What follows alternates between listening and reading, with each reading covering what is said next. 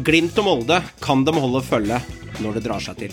Skammelig og flaut, sa Rekdal etter ydmykelsen i Drammen, mens Viking og Lillestrøm, de mener alvor.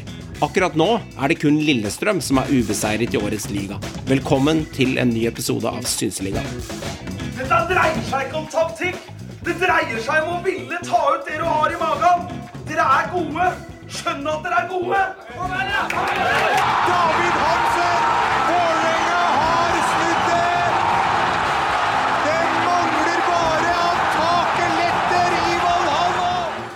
Så det feltet. Frode! Det er 4-1!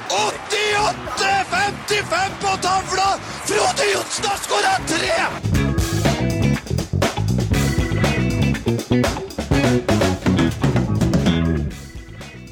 Da er vi samla, karer. Alle fire. Og eh, jeg har fått liksom to dager da til å fordøye faenskapet. For hadde vi spilt episode i går kveld, Håvard, når du skulle ha breddekamp, så tror jeg hadde mista besendelsen, for å si det sånn. Men jeg har tatt én beroligende og en sånn eh, halvfi, halvfin grønn pille som du får skjult i skapet på apoteket for å roe nervene til dagens episode. Men jeg vil starte hos deg med gårsdagens breddekamp. Vi fortjener en oppdatering derfra, siden det er tirsdagsepisode vi kjører. Ja. Lokal-derby i eh, mitt kjære Lier. Lier kommune. Altså Lier IL, som jeg er eh, spillende trener for. Det blir ikke så mye spilling for tida, men snart lagt opp, tror jeg. Snart er skoa på hylla. Snart er jeg bare sånn halvfeit breddetrener på sida. Men vi spilte da mot Stoppen 3.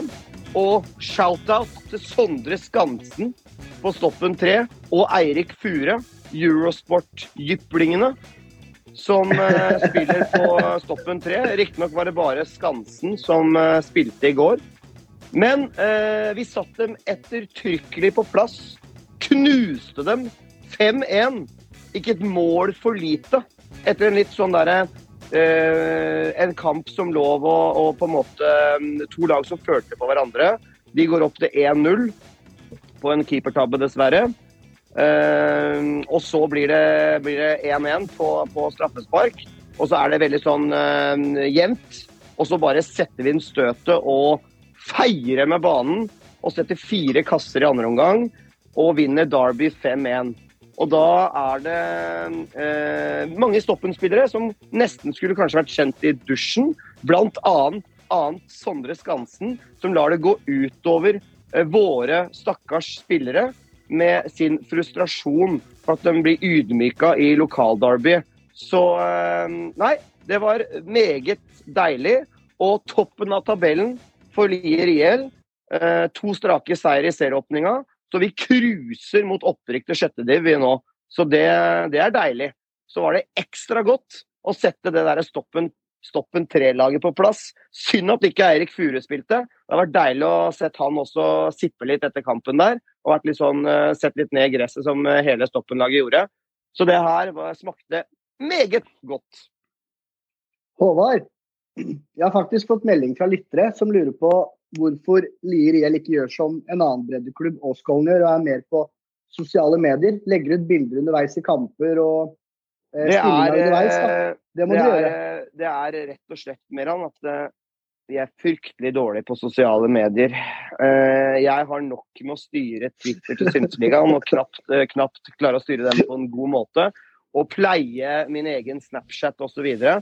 så ja, vi skulle vært bedre på medieavdelingen i Lier IL. Jeg, tror jeg må begynne å legge ut en stillingsannonse på en medieansvarlig for Lier IL. Bare ta en fra benken, da. Det går fint. Ja, Vi får gi han Sigurd en oppgave. Han trenger noe Ja, annet enn å sette på, Sigurdboy! sette, sette på musikken eh, før og etter kamp og i pausen. Han trenger litt flere oppgaver. Så ja, men eh, deilig. Det smakte med den seieren 5-1. Så, eh, så bedre lykke neste gang. Skansen og Stoppen og Fure. Det, det trenger dere. Hmm. Du, du, du var snill, Håvard. Du, du, noen kan føle at, du, noen kan føle at du var et uh, ass nå siden du kjørte en uh, shootout, men den reelle historien er, ganske mye tyngre enn den her, så eh, du, du var game her, altså. Jeg sier bare de som vet, de vet. Ikke sant? Og da sier jeg som Nils Arne Eggen ville sagt, én ting er å være forbilledlig fotballspiller, en annen ting er uh, to uh, for, bli et forbilledlig menneske, og til gangs som menneske. si en, det er viktig. eh, jeg skal bare si en eh, liten quote. Eh, vær et godt menneske både på og utenfor banen. så lar vi det bli med det.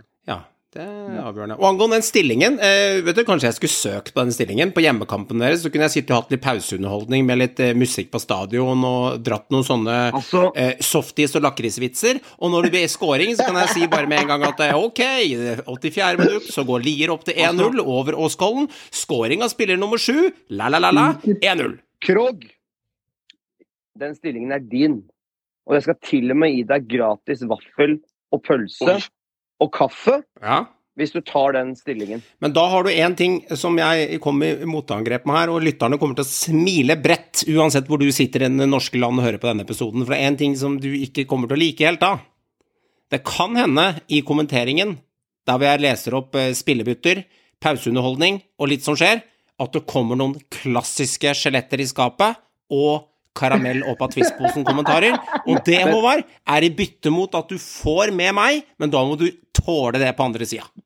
Men det skal jeg bite i meg så lenge vi får en dyktig medieansvarlig, og det vet jeg jo du er. Ja, men så bra. God på øh, å male bilder med ord. Ja, men det er hyggelig. Det, det hadde vært bra. Ja, men det er, Tusen takk. Da det skal jeg vurdere å legge inn en eh, fire linjers søknad på det, og håper jeg får eh, en ny sånn eh, gratis breddejobb. Det er hyggelig å bidra kanskje mer, Ann? Ja, det Kos deg der. Da får du litt å bryne deg på. Da får jeg litt å bryne Bredde meg er på. fint. det. Ja, ja, ja, Joakim. Så er det over til deg, da. Hold det sånn passe kort nå, hva du brukte mandagskvelden din på. Det var jo fin start på uka, du spilte en fotballkamp i helga, og du er godset-supporter, la, la, la, men hold det kort nå. Åssen var denne mandagen for deg? Problemet er jo at jeg brukte jo mandagskvelden på å behandle kroppen for en helg på utviklingslag. Å ja, ok. Ja. Så den gleden den følte jeg på i de to timene jeg satt og venta mens bilen lada nede hos foreldrene mine. Mm. Men når jeg kom hjem, så merka jeg ikke så mye glede igjen før på tirsdag, for å være helt ærlig. Da, da, det var tungt. Den, den, kroppen her på ja, godt opp, begynner å bli godt opp i 30-åra nå, den tåler ikke en sånn tur som jeg var på i helga. Bekla beklageligvis. Nei, okay. Som stemmer inn litt da òg, tror jeg.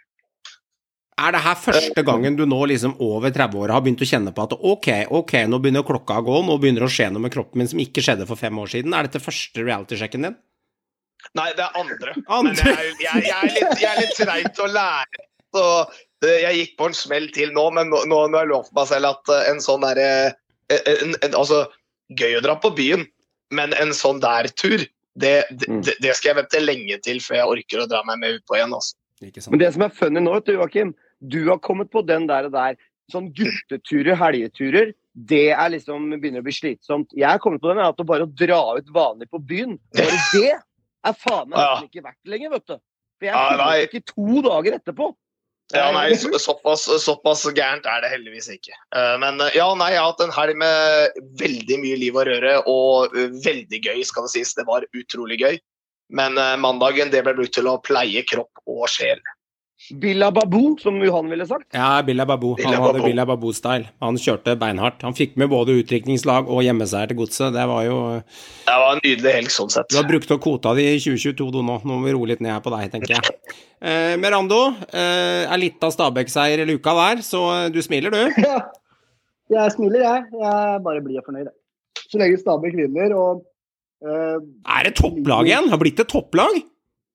Nei, vi er, du kan ikke kalle det topplag når det er et Obos. Brann er et topplag. topplag. Brann er heller ikke topplag, vi er i Obos. Vi er Ja, da, men Vi er toppen av Obos, da. Ta det for det der.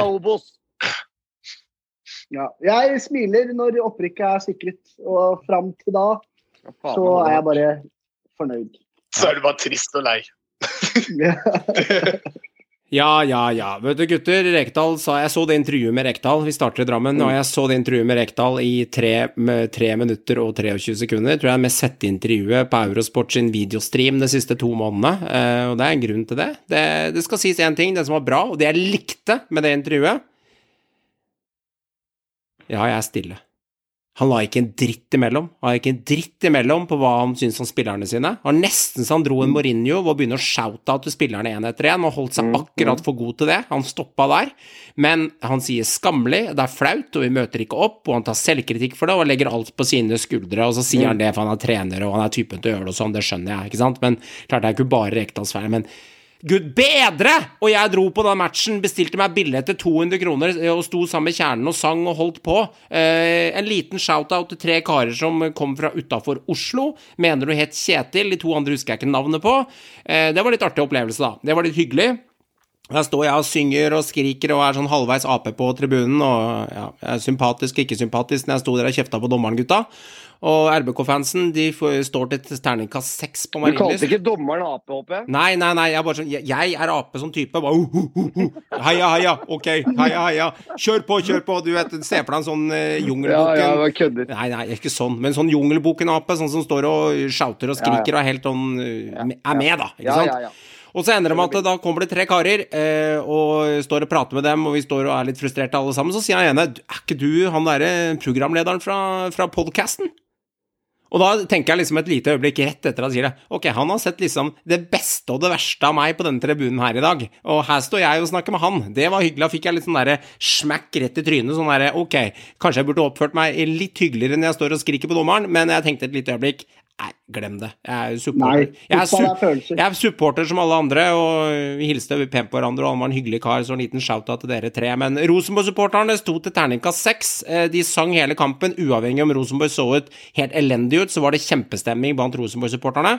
Men um Nei, dere kan prate dere, gutter, så skal jeg lene meg tilbake og lytte til dere, for jeg, jeg kan si så meget og så mye. Det er alt jeg har å si om det, så tar jeg meg en beroligende i mellomtida.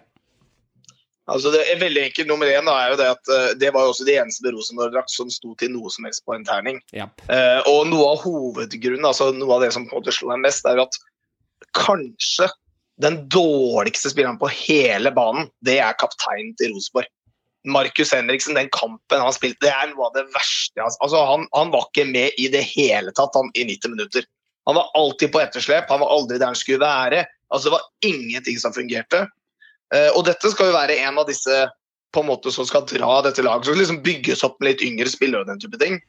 Eh, men eh, i den kampen her da, så kan du si hva du vil om hvordan han har spilt tidligere, hvordan han har fungert før i den rollen her, men han funka ikke. Altså, her var han helt ute av sitt element. Og var en stor grunn til at dette her gikk skeis for Rosenborg sin del. Og like moro da for oss godssupportere som satt og så på den samme kampen. Altså, for, Først og fremst vil jeg jo si eh, all honnør til Godset, da, som slår ettertrykkelig tilbake etter 5-0 i sekken forrige kamp. Dette her er på en måte typisk Godset. Det er et lag som på en måte de ser litt sånn, nesten litt sånn fæle ut, litt sånn, sånn avskrevet. Og så bare vips! Slår de tilbake. Vinner 3-0 mot Rosenborg, liksom. Det, Men Håvard, spørsmål før du fortsetter. Bare kjapp ting. Ja. Hva, hva, øh, var det med den kampen her i startårene til Godset som vi ikke har gjort før? Jo, og det skal jeg komme til. Yes. Og det er helt riktig. Vi har jo snakka om det her. Fred Friday benkes. Det er på tide. Salvesen starter. Han skårte riktignok ikke, men det er noe med å på en måte ta et statement. Gjøre en forandring. Men den aller største forandringen Godset gjorde til den kampen her, og dette her syns jeg er en liten eh, Dette må de slutte med eh, til godstrenerne, for å si det rett ut. For å dra den kvoten der. Ja, dagens Fordi- første Dette må slutte med, over. Ja, Og, og Vi så går få en jingle til den der. og dette her må de slutte med. Fordi sesongen i fjor, Godset, det var en opptur. 4-3-3, godsefotball, tilbake til røttene. Offensiv 4-3-3, godsefotball. Plutselig så skulle de forandre på dette her og kjøre mannsmarkering, nye formasjoner, prøve å få plass til Salvesen og Friday. Eh, sliter med alt fra laguttak til oppstilling. Så går det tilbake til det trygge, det kjente. 4-3-3 frem- fremoverretta godsefotball. Vips, så ser de ut som et godt fotballag igjen. Så dette her må BP og vi vil vite bedre hvorfor forandre noe som funker, som ligger i røttene, som ligger i garderoben, som ligger i sjela til godset. Det er dette her de kan. Og det er dette her de to trenerne kan. Så da, da skjønner jeg ikke poenget med å forandre på noe som faktisk fungerer. Og se nå, ja, de møtte et svakt, svakt RBK, det kan jeg komme tilbake til etterpå når dere skal prate mer, men det er sånn her godset må spille. Det er det her de kan. Bygg videre på det, og utvikl det videre. Ikke prøv å forandre på alt. Dette er som David Nilsen han tok over under Deila. Hvorfor forandre på noe som funka? Ja, altså, og jeg er helt enig. Og den enkle sak at uh, altså, det er vel Jeg kommer ikke på i hodet en eneste av spillerne på Godset som hadde en dårlig fotballkamp. Altså, det var forskjell på hvem som bidro og hvem som gjorde mest, men hele laget fungerte som en enhet, uh, hvordan de spilte nå. Uh, og man skal ikke ta det bort. Det, altså, de fleste Rosenborg-supportere er selvfølgelig mest opptatt av hvor dårlig Rosenborg var. Men det handler også litt om at laget de spilte mot, også gjorde en veldig god fotballkamp. Johan Hove var tilbake igjen i stor kjempeslag og, og, spilte som om han gjorde i glanstidene for halvannet år siden.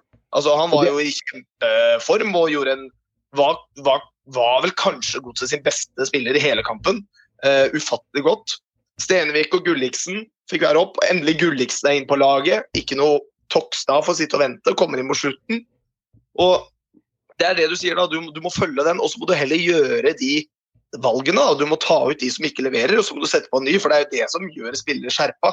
At når du gjør en dårlig eller to dårlige fotballkamper, ja, da går du ut, for da står det en annen som er veldig gira på å komme inn. Istedenfor, som du er inne på, å prøve å gjøre plass og dytte noen på venstre, sette en til høyre. Vi har to spisser. Ja, men da bruk to spisser, da. Men uh, bruk dem om hverandre. Uh, og la den ene komme hjem på slutten og prøve å forandre et matchbilde som ikke fungerer, f.eks. Så jeg er helt, helt, enig med deg. og Jeg håper den kampen der viser det, at de faktisk slutter med det. da. Det må de slutte med. Det var altså veldig jævlig deilig å se Johan Hove tilbake i gammelt slag. for Han har vært en skygge av seg selv. Og Han sa det i intervjuet etter kampen. Nå jeg kommer mye mer til din rett eh, som fremoverretta type klassisk indreløper. Der er han god. Gulliksen kommer med til sin rett.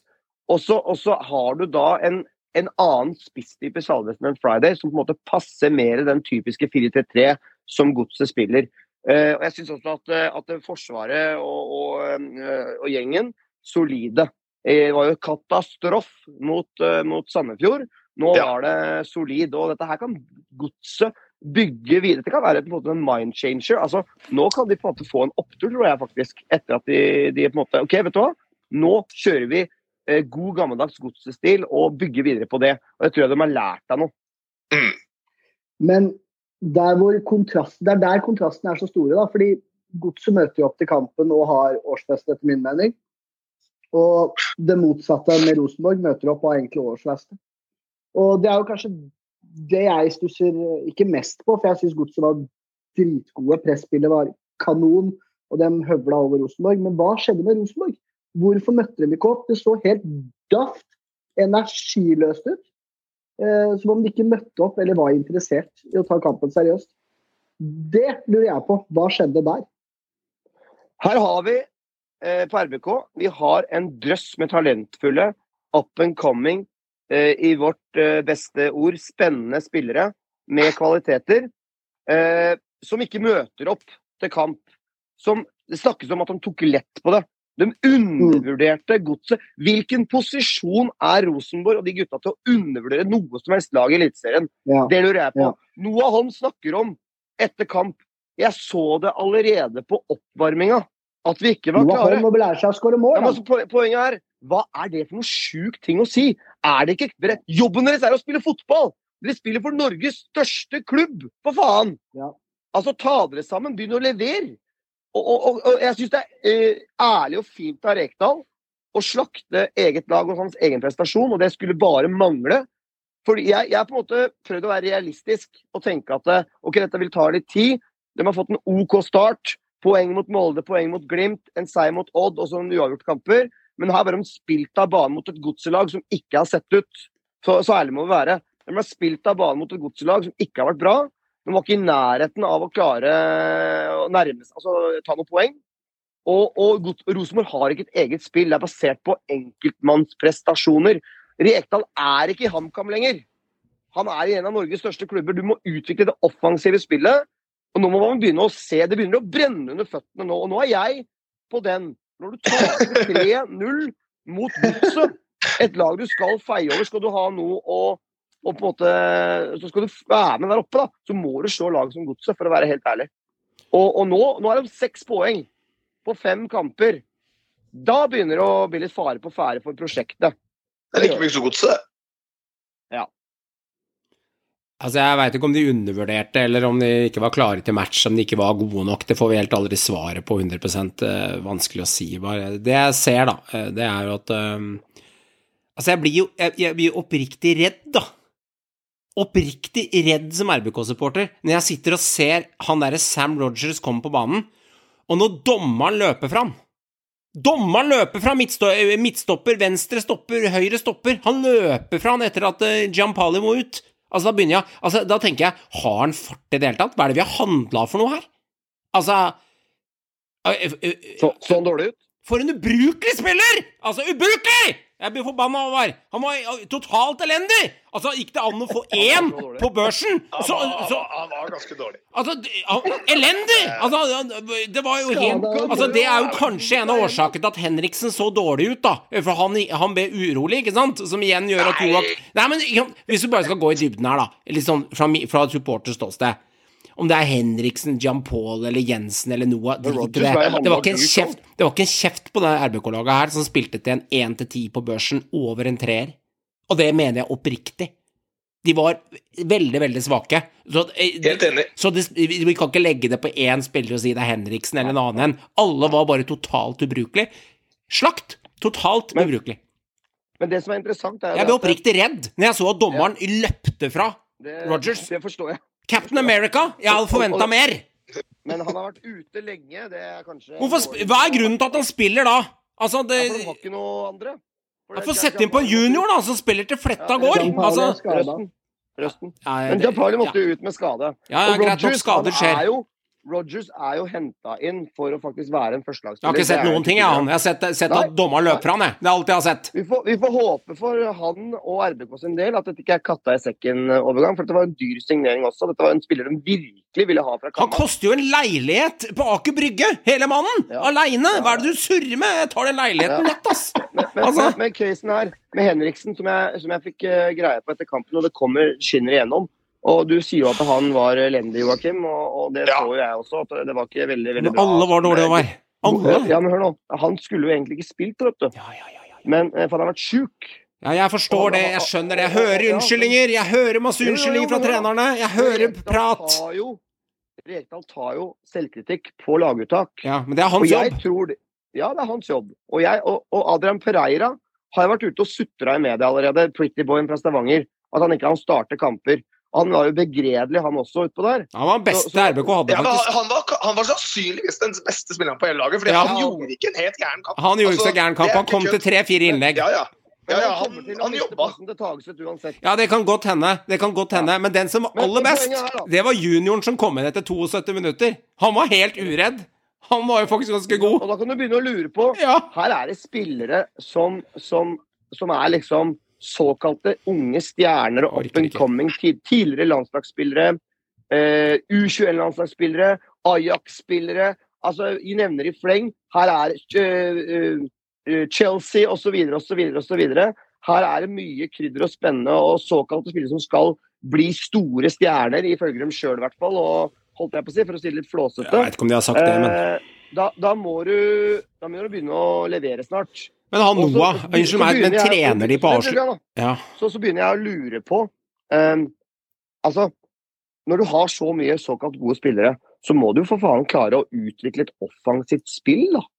Ikke bare uh, uh, altså spille en stil som, som går på motstanderens på en måte svakheter. ja, men det er jo det jeg har vært negativ til hele tida, hele, Altså, helt siden Rekdal tok over. Så, så du, du, du trener ikke HamKam lenger. Nei? Du, du, må, du må ha et lag som klarer å dominere kamper mot antatt svakere lag. Ja. Mot Glimt er én ting, men mot Gods og antatt svakere lag så må du klare å dominere kamper. Ja, ja. Men, men der kommer vi har vært innom dette før, da. Vi har snakket om det før, og det er, problemet er det. Du nevner ikke sant, altså det er unge talenter fra ditt og datt og ditt og datt. Men Ja. det du glemmer, da, det er en vesentlig ting, det er det du snakker om. Du snakker om unge talenter. Og når jeg ser det laget her, og det var så åpenlyst i den kampen her, men når du ser på laget og ser på benken, ser på spillerne er med, hvem er de der gamle gutta som skal vise disse her Mm. hvilken vei den skal gå. Det, er, altså, det eneste jeg ser på det A-laget altså, Du har André Hansen i mål, men han får ikke Mm. bidratt så mye. Og så har du Henriksen, Og så sitter det spillere som Vebjørn Hoff og Skjelberg på benk.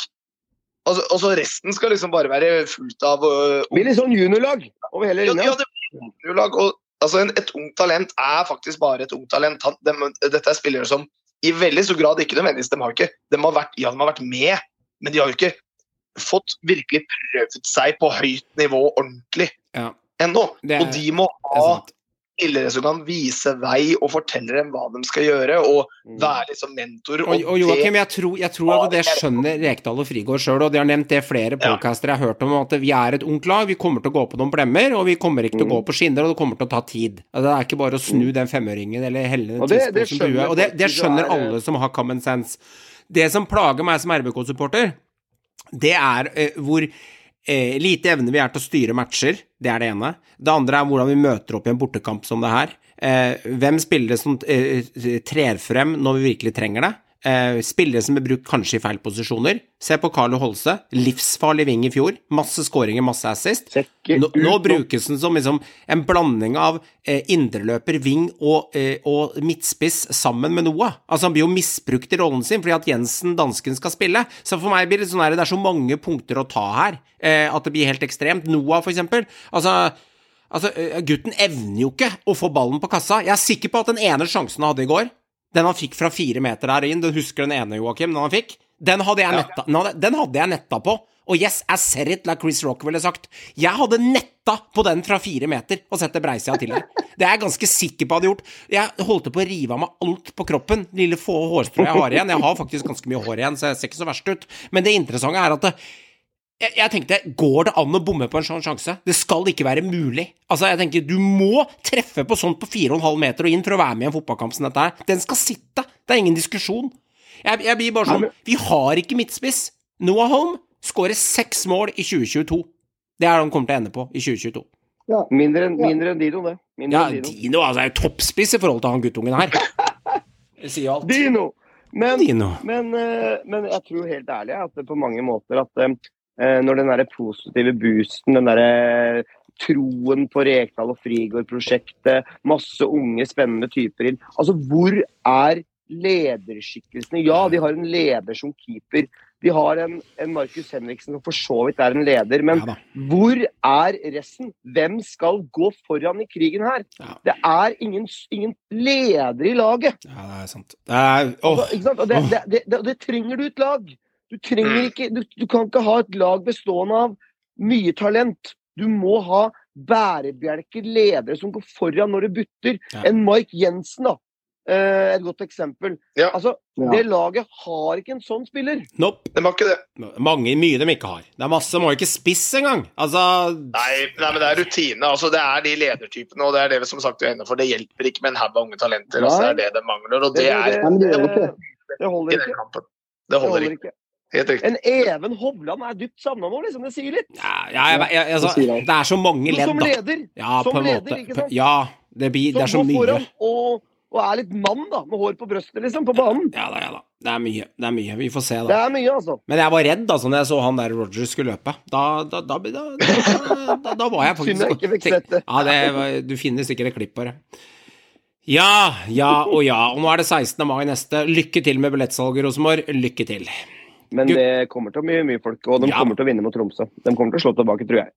Ja, det er eh, Ja, Jeg tror det. det er eh, Det er ikke Tromsø vi skal møte, så det er Sandefjord, men jeg skjønner. Eh, Vi får se. Jo, det er Tromsø.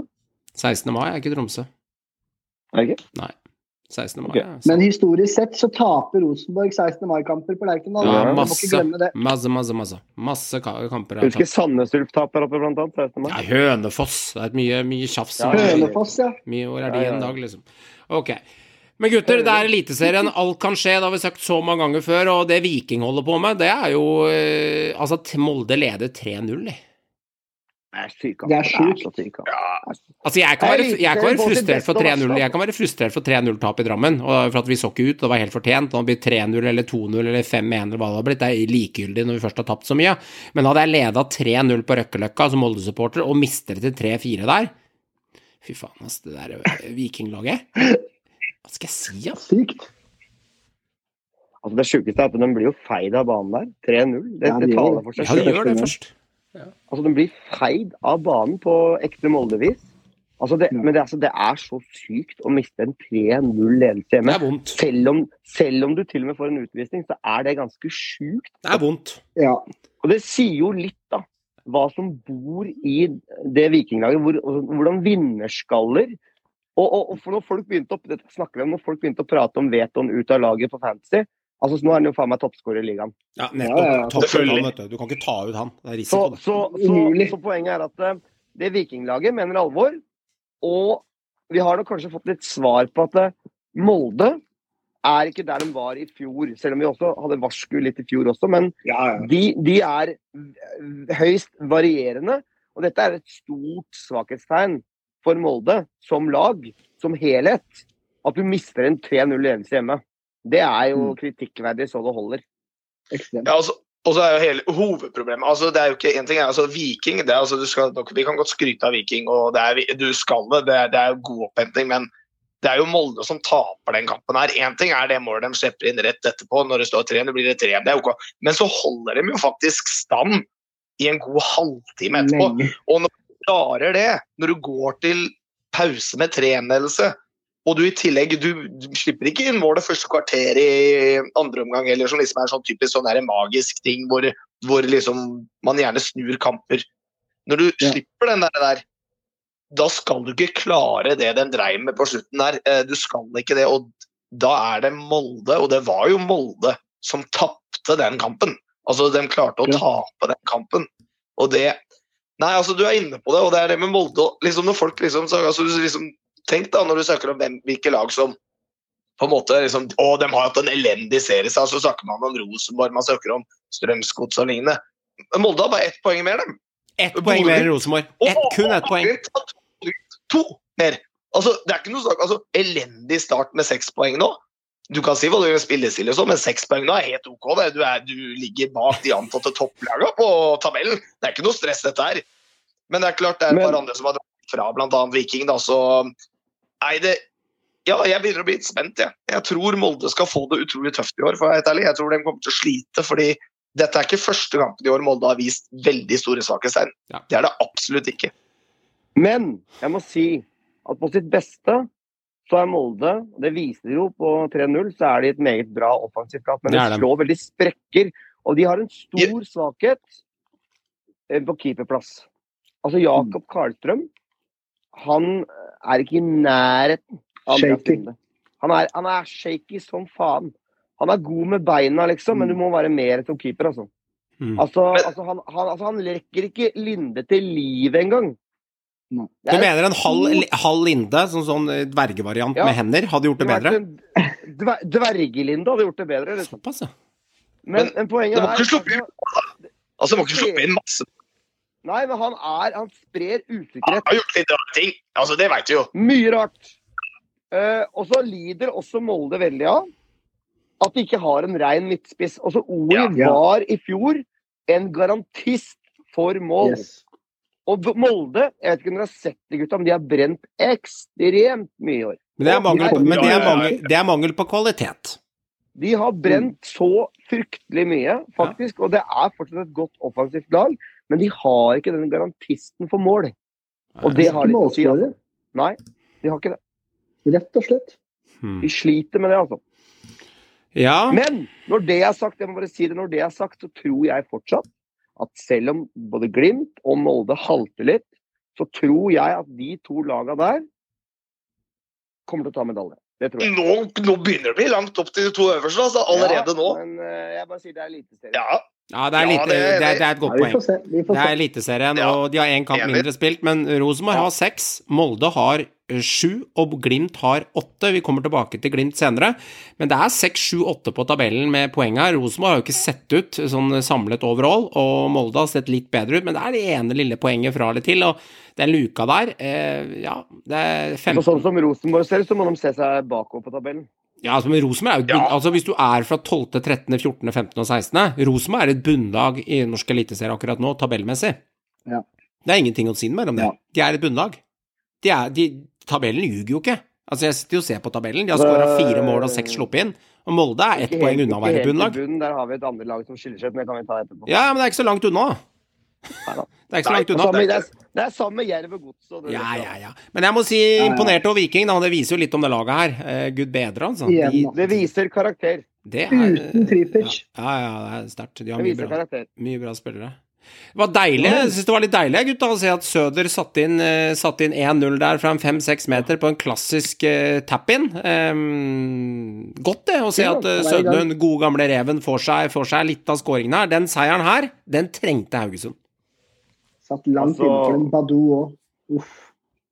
Altså Haugesund, altså hadde de tatt, tatt den kampen der Er det seks, er det seks eh, Det var sjette kampen til Haugesund, ikke sant? Stemmer ikke det?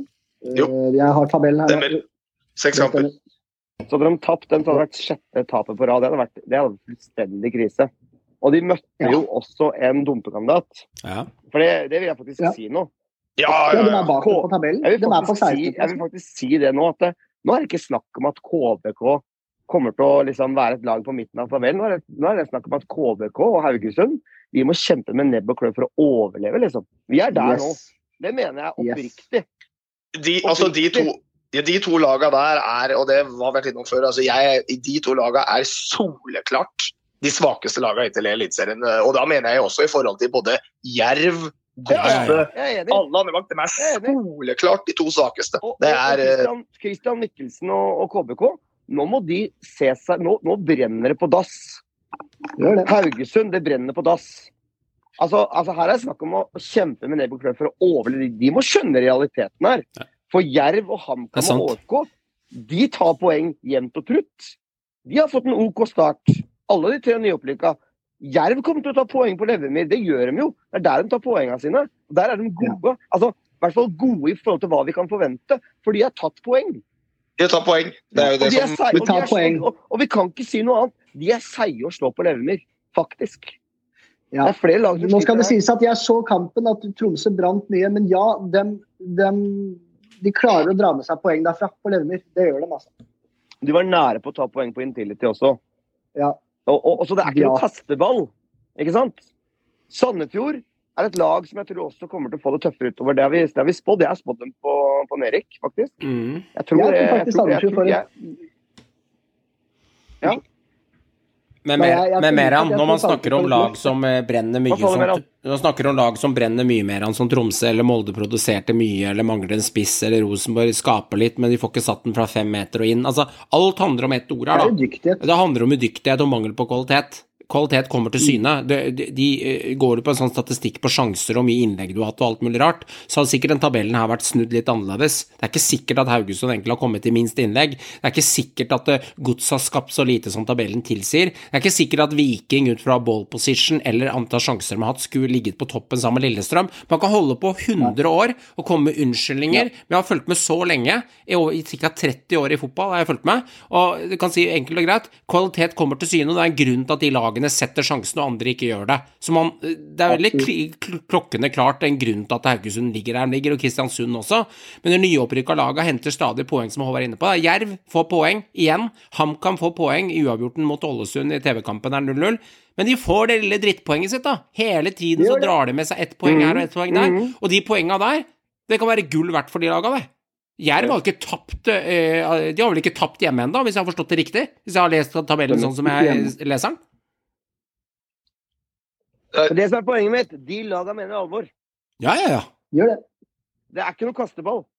Nei, men Det er også litt av grunnen til det jeg sa også i forhold til Haugesund og Kristiansund. fordi Man blir litt for sånn der, altså man må se seg, altså det er greit Du kan se direkte på tabellen og så kan du se oi, mitt lag ligger på fjerde, mitt lag ligger der og der. Men det egentlig alt tabellen min tilsier, er at fra Ålesund med seks kamper spilt, så er det tre poeng ned til Tromsø på 14. Fra sjette til 14. Med en, og alle lagene bak Ålesund har én kamp mindre spilt enn Ålesund. Og det skiller tre poeng. Så altså du Enten så har du da er eh, over halve ligaen ganske ræl hittil i år, på en eller annen måte. Og så har noen overprestert, noen underprestert. Ja, Det kan man være enig i. Men de er i hvert fall ganske jevngode. Men de to lagene som møttes i denne kampen her, er uten tvil de to verste, og det er det ingen tvil om i forhold til resten også, så der ljuger ikke den tabellen på noen som helst måte. Men ekstremt viktig for Haugesund for å få litt trua på Ja, prosjektet. absolutt. Og, og, det, og det brente virkelig på dass. Og det var altså ekstremt viktig for selvtillit å bygge videre på. å få seg en seier nå hjemme, og kan liksom ha litt trua på det. Vi kan faktisk vinne kamper. Ikke sant? Det er så viktig å få snudd den der negative trenden der. Så, så jeg, jeg, tror fortsatt den kommer til å være der nede i sumpa faktisk i hele år. Og jeg tror også KBK kommer til å være der. Jeg er helt ærlig. Det blir en kamp for å holde seg på begge de to lagene. Jeg har ikke noe trua på at de får en sånn kjempeboost. Og KVK sitt fall, det kommer i år. Det har vi, det har vi spådd, og det kommer i år. Eh, de har en, en, de har en Moses Mava som liksom skulle ta over stafettpinnen. Han er havna på benken, liksom. Det, han er ikke i nærheten av å være den Sa ikke han i en av de siste sendingene til Eurosport i fjor høst at nå har han løst floka? Jo, jo, jo. jo. Han har ikke det. Jugde han til meg på TV? Ja. Han jugde til folket. Ja. For, for Moses Mava har ikke sett ut. Eh, Håvard, øh, når det brenner på dass, er liksom det, det, det er, Jeg skjønner hva uttrykket betyr, men øh, jeg skal tviste litt om det og så se om du er med og danse med meg. Men øh, det betyr at det er, det, er, det, er, total krise, ikke sant, når det brenner på dass. Ja, det vil jeg si. Ja, Men hvis jeg minner om den gamle Jurassic Park-filmen fra 90-tallet, så blir han ene fyren spist på dass av dinosaurusen. Husker du det? Ja. Hvis, jeg jeg, jeg syns du kan døpe om uttrykket 'å bli spist på dass', for da er du totalt sjakkmatt. Hvis det bare brenner, så kan du få på deg buksa og løpe ut. Når T-rexen kommer og spiser deg, da er det ferdig. Det er det jeg mener. Du, da blir du spist på dass. Spørs hvor det brenner, da. Hva sa du, Meran? Det spørs også hvor det brenner. Oh, ja, og hvor godt du sitter og har en rammeavtale Ja, og ja, ja. har på headphones og kanskje ikke merker at det brenner før du Oi! Da er du sittende fast. Nei, men altså, så, så helt ærlig, eh, jeg føler det er et så klart skille, altså. Sånn topp seks og nedover. Ja, det er tidlig å si. Jeg veit bare at enkelte Ja, lag altså, har et sinnssykt press på seg i 16. mai-kampen. Altså, altså, nedre del av Eliteserien er ganske så mye svakere enn altså øvre, da. Skjønner du? Ja, ja, ja. Altså, det er Det er et skille der. Det er, et, det, det er så mye jevne lag der. Og, og har, du fått, har du kommet dårlig ut nå? Var det livsviktig for godset også, by the way? da? Ja, ja, ja. Kommet, kommet til, det skal sies. Livsviktig for godset og prosjektet. Ja, Finne, finne litt tilbake til røttene der. Får litt trua på at vet du hva, vi kan spille fotball, vi òg. Man har fått en begredelig start, gutta fra Drammen. og og, og 5-0 det taler for seg sjøl. Å slå tilbake mot selveste RBK, ekstremt viktig for selvtilliten. Absolutt. Mm, mm. Ser jo at Lillestrøm har ikke tapt, gutta. Viking har scora mest. Haugesund har sluppet inn mest. Og Rosenborg og Kristiansund har scora minst. Det ligger noe ja, Sammen med Jerv, da, som Ja. også scora minst. Men det de ligger noe um, sannhet i alle disse småtallene her allerede etter fem-seks runder, så ja, jeg veit at det er noen lag der ute, inkludert mitt eget, som har et hilsikes press på seg eh, 16. mai-runden, fordi eh, det, det ligger litt sånn må vinne i potten nå for enkelte lag. Altså, Apropos brenner på dass. altså Får Rekdal og Frigård tap på 16. mai, så kan hende den spådommen din, eh, Johan, kommer til å skje før 16. Ja, august. da ryker jeg på den. Da har jo vedda huslån og alt jeg på 16. august. Ja, fordi fordi eh, kommer det tap der igjen nå, så er det en begredelig Og media har kasta seg på. Det er sultne ulver som sirkler rundt byttet der nå, altså oppe i Trondheim. Ja, ja. Hvis det kommer et nytt tap nå. Det er Altså, hyener det på slagmarken her nå, nå, og det, og det veit de sjøl. Ja. At det da er de sultne hyenene og ulvene på plass også for å ta byttet sitt. Ja, ja, ja. Og Sandefjord har ikke noe press på seg. Ligger på tiendeplass, seks poeng, skal møte opp på Lerkendal og showe og i 17. mai. De skal kose seg, de. Og jeg tror at Sandefjord er ikke et enkelt lag å møte eh, uten press, for det er ikke et dårlig fotballag. Nei, de er ikke det. Og jeg, Sandefjord jeg slakta dem to første åra. I år har jeg faktisk sett meg ned og fulgt med på kampene deres. Mm. Greit, eh, den vil jo variere i prestasjon, som sist kamp. Men de spiller likt. De har et grunnspill, og de har en plan bak det de driver med. Og så lykkes de noen ganger, så lykkes de ikke. Ikke sant? Men for meg, jeg ser ikke at Sandefjord er et nedrykkslag lenger. Jeg tror de kommer til å ende mellom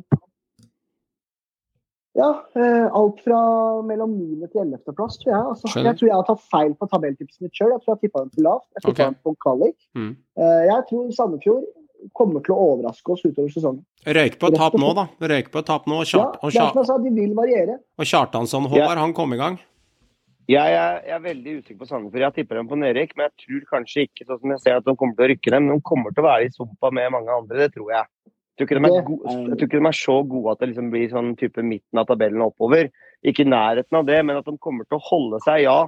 Det tror jeg, med tanke på at Haugesund og KVK har fått så elendig start. Og så har vi også Jerv og HamKam og Ålesund i miksen der, de nyopprykka laga. Det kan bli tøffere for de også. Og så vil jeg også selvfølgelig ikke frede godset. Fordi at selv om de vinner nå, Nei, nei. så, så er ikke alt på skinner i Drammen, liksom. Ikke sant? Så, så, så poenget er at det må vi ikke glemme her. Men, men eh, Sandefjord jeg, jeg tror de fort kan få det tøft for det, altså, selv om de eh, for så vidt har starta OK for det. For stallen er tynn der. Ja da. Eh, og jeg tror at lag eh, kommer til å Det kommer til å bli bonanza på overgangsvinduet når det åpner igjen nå i sommer. Det tror jeg. Ja. At, at lag kommer til å eh, virkelig strekke seg langt for å forsterke seg både i topp og bunn. Eh, Jokke Jønsson har jo vært ute og meldt nå selvfølgelig at de skal hente spillere. For de mister jo både Dønnem og Nesberg og Ismail osv. Der kommer det mye nytt. Og, og topplagene for å være med der oppe Altså Molde kommer til å hente. Glimt kommer til å hente. ja, ja. ja. man, de har penger. De har penger. Vålerenga, Yes. Lillestrøm, Rosenborg. ikke sant? Det kommer til å skje mye ut og inn i sommervinduet nå. Men den, se- men den seieren til Vålerenga 1-3 den, eh, Vålerenga også trengte den. Haug med assis på, på eh, Ja. utsparket til Kjartansson der. Kjartansson eh, ganske lekk... Altså, jeg har sett på den skåringa til Kjartansson, faktisk. Jeg har søkt den opp på Eurosport etterpå. For jeg syns jeg elsker sånne Jeg som er gammel, udugelig spiss, eh, syns jo at eh, sånne skåringer er herlig. Måten han Ja. setter den skåringa på bare med breisida uten å klinke til, og bare fiker ned der. Og han skyter veldig overraskende på keeper. Altså, han er en Han er en, er en liksom, han er, sånn, han er en bra spiller, altså. Han er en smart spiller, Kjartansson. Litt treig start, men han er, han er en luring, altså. Det så litt ut som deg i glansdagene, Krog. Ja, det gjorde det. Jeg merka at han. Ja, riktig. Jeg merka han satt den Ja. pent ned i hjørnet uten noe fart, Ja. og han vet hva han gjør. Det er ikke noe tvil om at eh, Kjartansson er jo litt tilbake til sitt gamle jeg. Vi har jo sett en bedre utgave av Kjartansson i år eh, enn vi så egentlig hele fjor. Det vil jeg faktisk si. Mm. Det er jo ikke, er ikke hans skyld at Vålerenga har fått en, en litt trang start. Men nå sier jeg trang start, men se på tabellen, gutter. Plutselig så ser ikke den starten til Vålerenga så jævla ille De ligger på fjerdeplass. Altså, de ligger der oppe nå, liksom. Og har ni poeng. Foran Glimt. Ja, én kamp mindre spilt enn Lillestrøm og Viking. Ikke sant? Ja. Og vi har sittet og snakka om krisestart til Enga. Det er så jevnt. Sjuendeplasslag og Nå er de der Men oppe! Er Vi får se, da, framover. Ja, De- de må- De må slå Tromsø. Skåre Dønne mål. Saroui ser, ser million ut. Kjartansson setter den. Ja, det er godt vi er synsere. Vi har blitt sparka fra en eller annen kanal hvis Ja, jeg har sittet og ja, meldt det her. Så det er fint. Men poenget er liksom at vi skal ikke avskrive noe lag, vet du. Nei. Det er det, det, er det som er casen. De har slått- de har slått- seire, så er det oppe og danser. Men Enga har slått Haugesund, Jerv og Sandefjord. Og så har de tapt da mot Glimt og Molde, da, selvfølgelig. Men, men de har møtt Haugesund, Jerv og Sandefjord. Ja, men de har vunnet. De har vunnet matcher. Det er jo poenget her. Ja, Men la meg se dem det mot, la meg se dem mot topp åtte-laga. Ja da, jeg skjønner det. La meg se dem mot de laga der. Men eh, Merando, Ja, ja, ja. Merando, da kan jeg vri på det. Og så kan jeg si OK, Rosenborg har seks poeng, ett poeng bak Molde. Ja, men det er jo ikke så dårlig, skal jeg være naiv og dra meg i fletta. Og så kan jeg si eh, OK, de har møtt eh, Bodø-Glimt, Molde og et høytflyvende Sarpsborg. Og Sarpsborg taper jo ikke fotballkamper, så Rosenborg har ikke gjort det så dårlig utenom den episoden i Drammen. Svaret av tabellen forteller meg at de er på tolvteplass, så jeg driter i det. De skal møte alle uansett. Ja, det er mange lag som er gode Rosenborg har møtt, men de har bare seks poeng, og det er ikke bra nok, det heller. Det, det var, Men jeg sier bare at jeg lar meg ikke lure igjen av en gang. Nei, Nei, det, det var sånn typisk sånn brann, for å dra mitt eget lag, brann, som dreit seg fullstendig ut på Ja, vi har ikke vunnet de fem første kampene, men vi har møtt alle topplagene, liksom. Altså, hva faen tapermentalitet er å si Det sånn er, sånt? går ikke, vet du. Ja, men de tapte jo alle kampene til slutt. Jo, jo, poenget, poenget Ja. er det at det, Men det var en grunn til det, da. Var ikke god nok. Nei, altså, du ikke sant? Tabellen ljuger ikke. Jeg gjør ikke det, så eh, sånn er det. Eh, Joakim, eh, du får fyre av gårde noen eh, quiz-spørsmål. Eh, kjør i gang. Eh, me med eller uten juks, Håvard. Det er eh, sånn det er. Nei, nå er det jo, Rett skal være rett. nå er det jo veldig enkelt, da. Tenk deg, tenk deg det! Det skal jeg ta opp i poden, Håvard. Du trodde søren meg vi skulle kjøre juks du i forrige episode. Det er sinnssvakt. Vi kjører da. Det var ikke juks. Ja, det var- ikke lov til ja. Vil aldri skje. Ordet er ditt, Joakim. Ja, eh, Håvard skal jo få lov til å kjøre unna sine eh, siste tre spørsmål. Og så er det jo bare rett over på nytt konsept. Spennende. Så da er det jo bare å For dere får ett spørsmål hver på det nye konseptet på direkte påfølgende. Oi, oi, oi. Okay. Men eh, det er ganske enkelt, så skal vi klare fort. Men eh, Håvard, du skal da ta dine tre siste, så vi får riktig poeng med inn i eh, neste runde. Er det noe igjen på Brann, eller? Ja, du har 100. Da tar vi 100, så er jeg ferdig med den. Ja. Da er du ferdig med den. Jeg er spent, da. Du har ikke gjort det så bra på Brann hittil, da. Så jeg er litt så spent på. OK. Uh, spilleren med flest kamper i serien gjennom tidene for Brann. Å, faen. Den er ikke bare enkel, den, altså. Ja.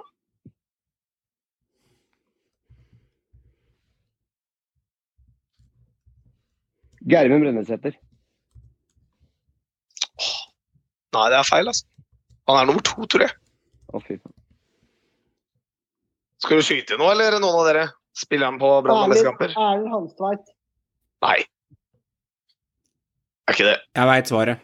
For jeg hadde, vi hadde den i fjor i quizen, så den er litt sånn Ja, vi hadde den i fjor, så jeg har sett Ja, ja jeg vet, jeg, jeg vet at Gammon Benesæter er et godt alternativ, det er, men vi hadde den i fjor. Men det er ikke noe 100, Joakim. Jo. Tore Nordtveit. Tore Nordtveit er det. Ja, jeg, Tore Nordtveit er det. det er riktig. Men jeg kuttet den ut i, jeg kuttet den ut i quizen i fjor, for den var, den var for dypvannsfisk. Eh, så Men Dette er 100, Joakim! Ja, det stemmer. Altså, men men det skal sies, altså, jeg, når jeg gikk inn i dette her, så hadde jeg liksom en følelse av at noen hadde litt kål, at man hadde litt kål på disse spillerne som ligger langt Jeg tipper han har eh, Jeg vet at Gammon Bønnesæter har 360-70 kamper. Jeg Ja, tipper men- han her har 420 kamper. Han er rett bak. Ok. Men Ja. vi tar den til oss, og så får du dunke videre med de to siste. Men det er flaks er over at jeg visste om det, for jeg har sjekka det i fjor. Ja, ja, Ja. Det er helt greit. Hva er det, du, hva er det som er igjen nå? Med, Nei, nå har du, nå har du jo de eh, deilige Du har Rosenborg 100, 200, 400 og 500. Og så har du rekorder 100. Uh, jeg tar eh, Rosenborg, jeg. Uh, 400. Hva er Rosenborg sin største seier gjennom tidene? –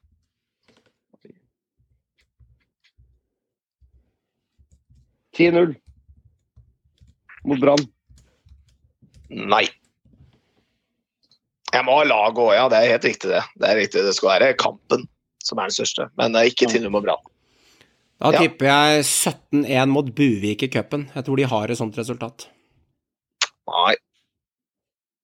Jeg har lyst til å si 14-0, men jeg vet ikke laget. Får slenger du til dag.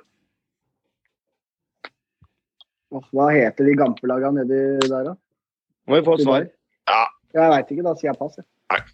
Det er 15-0 mot Klausenengen. Og det er i 2003, så det er ikke noe sånn derre kjempe Fornøyd? Men det var i cupen, da. Ja, ja, ja. OK, da får vi bare ture videre. Hva er som er igjen på RBK? 100, 200 og 500. Prøv 200 RBK, da. Ja. Hvilken Rosenborg-spiller har flest landskamper som RBK-spiller? Som han var i RBK da? Altså som RBK-spiller. Altså mens han spilte i RBK. Med flest landskamper. Roar Strand. Det er feil. Hmm. Eh, Roosevelt, Må du svare. eh, Hegge. Jacobsen. Eh, nei, det er også feil. Da tipper jeg eh, Ørjan Berg. Det er også feil. Den er egentlig ikke så vanskelig. Det er Gøran Sørloth. Ah, Den er selvfølgelig den er- Men den er jo litt Roar sånn Strand hadde en del kamper. Roar hadde også en del kamper, det er riktig. Han skåra mot Holland han i 2-1-kampen på Ullevål i 92. Yes. Stemmer det. Men nå- Gjøran hadde, ikke, Gjøran hadde ikke den beste rekka. Kan dere snakke? med bare dra poenga over her? Får han minus for det ene hundre jeg dro på Brann, eller får han ikke det? Jo, han får det. Han får det. Det er ikke din skyld at du har noe liggende fra dyp kunnskap. Nei, nei, nei, altså, kunnskap er kunnskap. Altså, sånn er det jo. Greit. Altså, Men da, for at dette skal gå sånn tålelig unna, så at de som ikke er så gira på quiz, kan få lov til å komme videre i eh, episoden, så kjører vi rett på. Uh, og da bare begynner jeg med å si hva dere har tatt med dere. Nå bare deler jeg poengene på ti. Eh, det blir jo det samme uansett, men poengene blir bare delt på ti. For det har noe med poengene som kommer inn nå å gjøre. ok. Vi drar med oss Så poenget. mer, yes, Meran har minus 20. Uh, Johan har 140. Og Håvard har 280. Ok. Det er Du. OK, du deler alle poengene våre på Yes. okay. Men uh, nå, nå kommer, nå kommer Det er matte. Håvard. Ikke bry deg om det. Det er bare. Jeg kan ikke det. Det er det samme. Det er akkurat samme. Det neste, det neste heter Bet to win. Heter det neste. Det er neste segmentet. Og vi skal vedde poeng! Det er fett. Ok. Ja, ja, det blir det faktisk det, altså. Nå får du kan høre. Nei, men eh, det er ikke sånn. Hør nå. Uh, reglene er veldig enkelt. Jeg stiller spørsmålet, uh, og så skal alle tre- tre deltakerne opp i antallet som de satser at de kommer til å klare. Okay. Dere får spørsmålet og makssummen. ok. Altså maks riktig dere kan ta. Mm. Og så må dere tenke litt i hodet og komme med deres poeng. Dere skal gjøre det på samme som forrige gang, at nå begynner Håvard.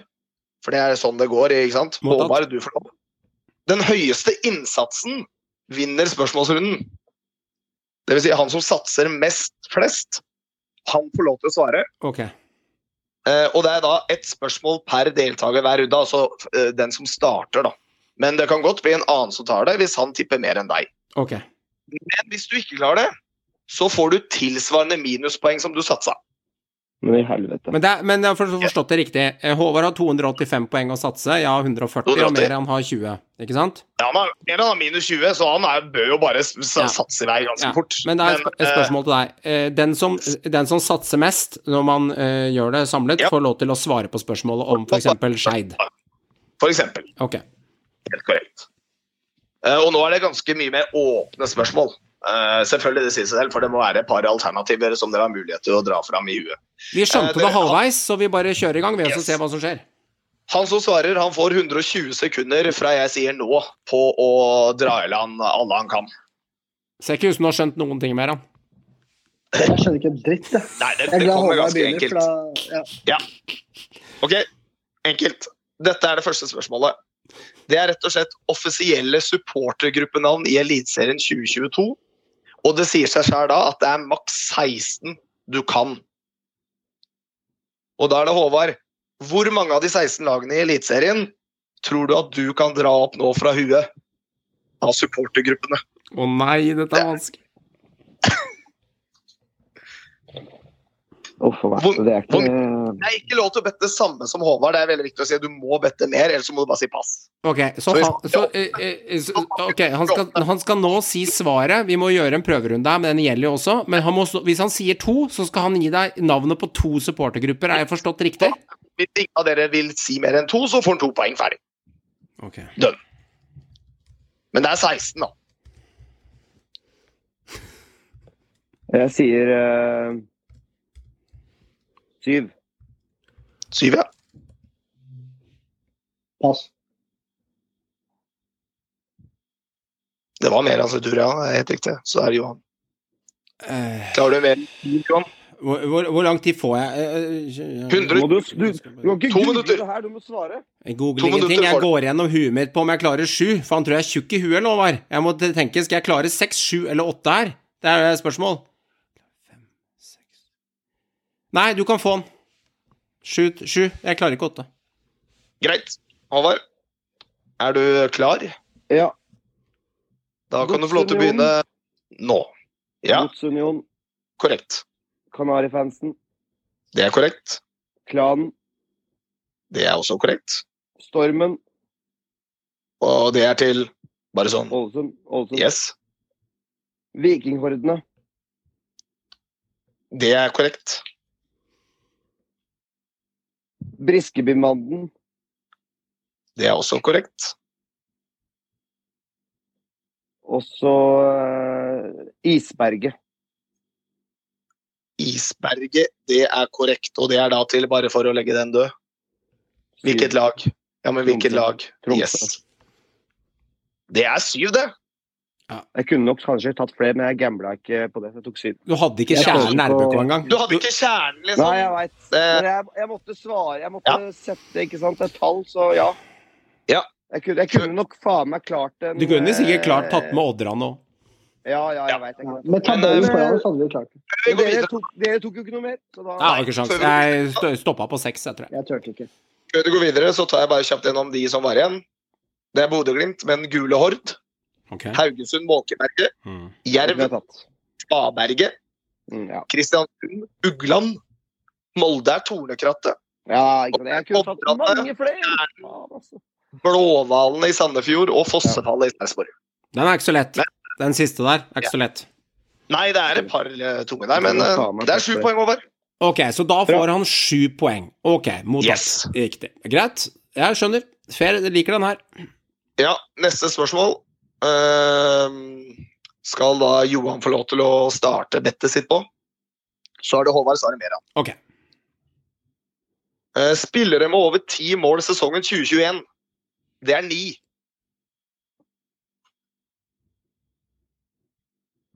Ja. Og så er spørsmålet. Spillere med over ti mål sesongen 2021. Ja, og hva er sp Hvor mange, liksom? Ja. Ni. Du må si navna, da. Ni stykker. Hvor mange av de navna tar du? Av de spillerne som skårte over ti mål forrige sesong.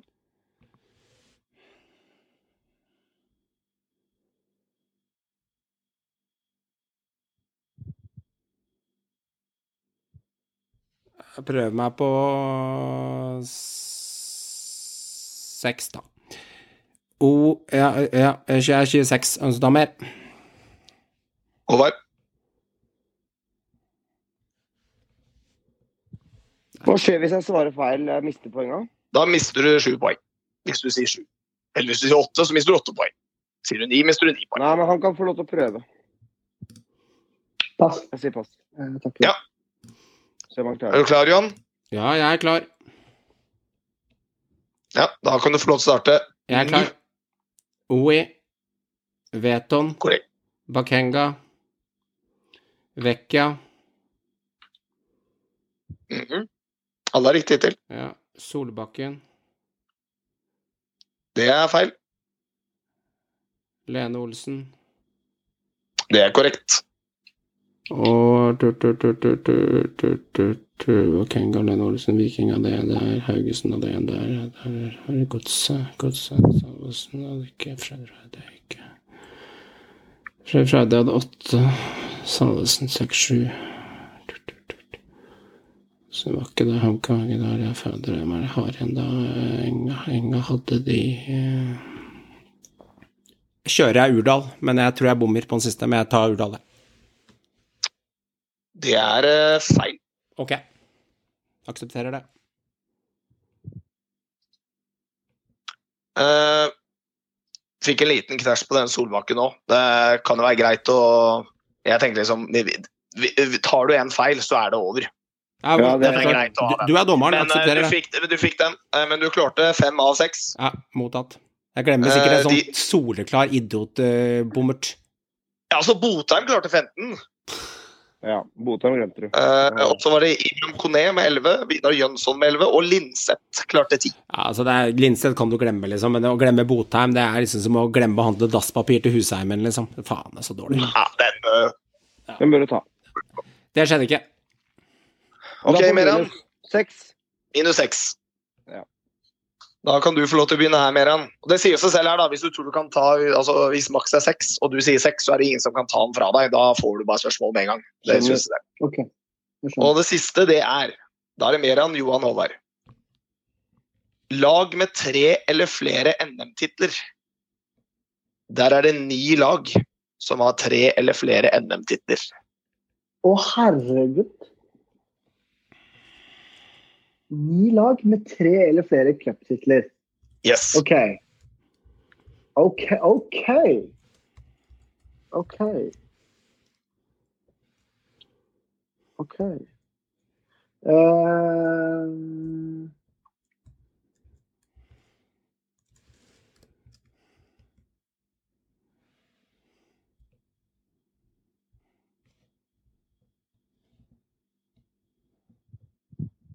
fem.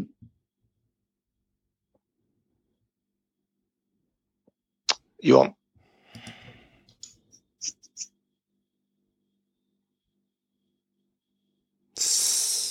Jeg kjører seks. seks. Det, det, det blir synsing, men eh, seks. Ok. Håvard? Jeg tror jeg sier pass, jeg. Seks endetitler. OK. Johan, Rosenborg. da kan du få lov til å kjøre nå, ja. Ja, det er korrekt. Rosenborg, Lillestrøm, Molde. Alle korrekt. Rosenborg, Lillestrøm, Molde, Viking. Også korrekt. Jeg er usikker på Jeg vet Godset har tre, to Jeg kjører Godset. Det er også korrekt. Hvor mange vil jeg ha? Én til? En til. Brann og Enga vant 97. vet du, så jeg- Ah, den siste er, siste er gambling, men jeg veit at Vålerenga har i hvert fall to. Eh, så hva jeg har vært på den ene og setter vi. Jeg sier Vålerenga på den siste. Eh, fordi at det resonnerer meg bare fram til at jeg kan ikke ha sett to av de tre. Eh, Enga. Vålerenga er også korrekt, og du tok de med seks, altså de seks øverste. Rosenborg 11, Lillestrøm 6, Viking 6, Godset 5, Molde 5. Med da årets uh, NM-tittel. Og Vålerenga 4. Okay, så Og så er har du Brann, ja. Skeit og Fredrikstad etterpå. Ja, er hadde Fredrikstad. Men eh, hadde jeg svart Brann, det hadde også vært korrekt, da. Har jeg forstått Ja, det? ja, det har også vært korrekt. Ja, Ja, ja, ja. Det var derfor det Du- sto du- du mellom, bør ikke ta det de i- to. Ja, ja. Du bør ikke ta det i, uh i rekkefølge. Jeg er litt sånn nerve av de spørsmålene du har. For det er litt sånn derre Ja. Ja, hmm. Ja, det her eh, Den her må jeg ha et par uker å føle på, merker jeg. Det kommer, det kommer altså for å si det sånn, da, det kommer mye forskjellig. Det vil være mye annet som kommer jeg likte vrien. Litt Ja, annerledes. Det er bra. Frozen Og så- har vi også lært det hittil nå, så har vi funnet ut det at jeg, jeg kommer til å redusere tida til eh, det gamle 60 sekunder, for jeg var litt redd for tiden her. Men ingen av dere har vært i nærheten av 60 sekunder hittil. Okay. Okay. Så vi bare reduserer den neste gang. Jeg har et innspill, og så er det opp til deg som er quizmaster til å bedømme den før vi går videre i programmet. Kan jeg komme med et innspill? Ja. Um, Meran er på minus, jeg er på 20 eller 40 eller et eller annet sånt nå, husker ikke hva du sa, og Håvard er på langt over 150-tallet. Eh, Du må gi oss en eller annen mulighet med poengmessig her da, til å hente igjen Håvard her, i hvert fall muligheten, for det er- vi kommer jo ikke til å klare det Jeg skal jo tjene på at jeg har knust det, Ja, ja, ja, selvfølgelig. Du Ja, tjener det må jo være noe big det må jo være, altså hvis, hvis, det, La meg snakke ferdig, sånn kan Quizmaster ta til seg. Det er du som bedømmer det, Quizmaster. Men hvis vi får seks poeng pluss, ni poeng pluss, tre poeng pluss Vi skal holde på sinnssykt lenge for i hele tatt å ha mulighet. Jeg bare nevner det som en greie. Så du må tenke Da er, ting, da er det to ting jeg skal si til deg veldig enkelt da, for å svare på det med en gang. Ja. Det finnes fremdeles jokere. Okay. Og det, og det, er ikke, det er noen som har betraktelig flere høyere poengsummer enn seks og sju. Mottatt. Greit. Okay. Yes. Greit, da har vi svart på det. Eh, veldig, veldig bra. Jeg håper du som lytter klarte noe der hjemme også, ikke bare vi som satt her. For det, det der var Det er konsentrasjon, altså. Det var, Vet du hva, jeg tror seriøst noen som sitter Altså, det sitter gærninger som hører på oss, Ja, ja, ja, som har, ram, som har ramsa opp alt dette her på rekke og rad hele veien. Det kan jeg garantere. Ja. Vi glimter til noen ganger, vi òg. Så noen ganger er vi udugelige. Sånn er det bare. Sånn er det bare.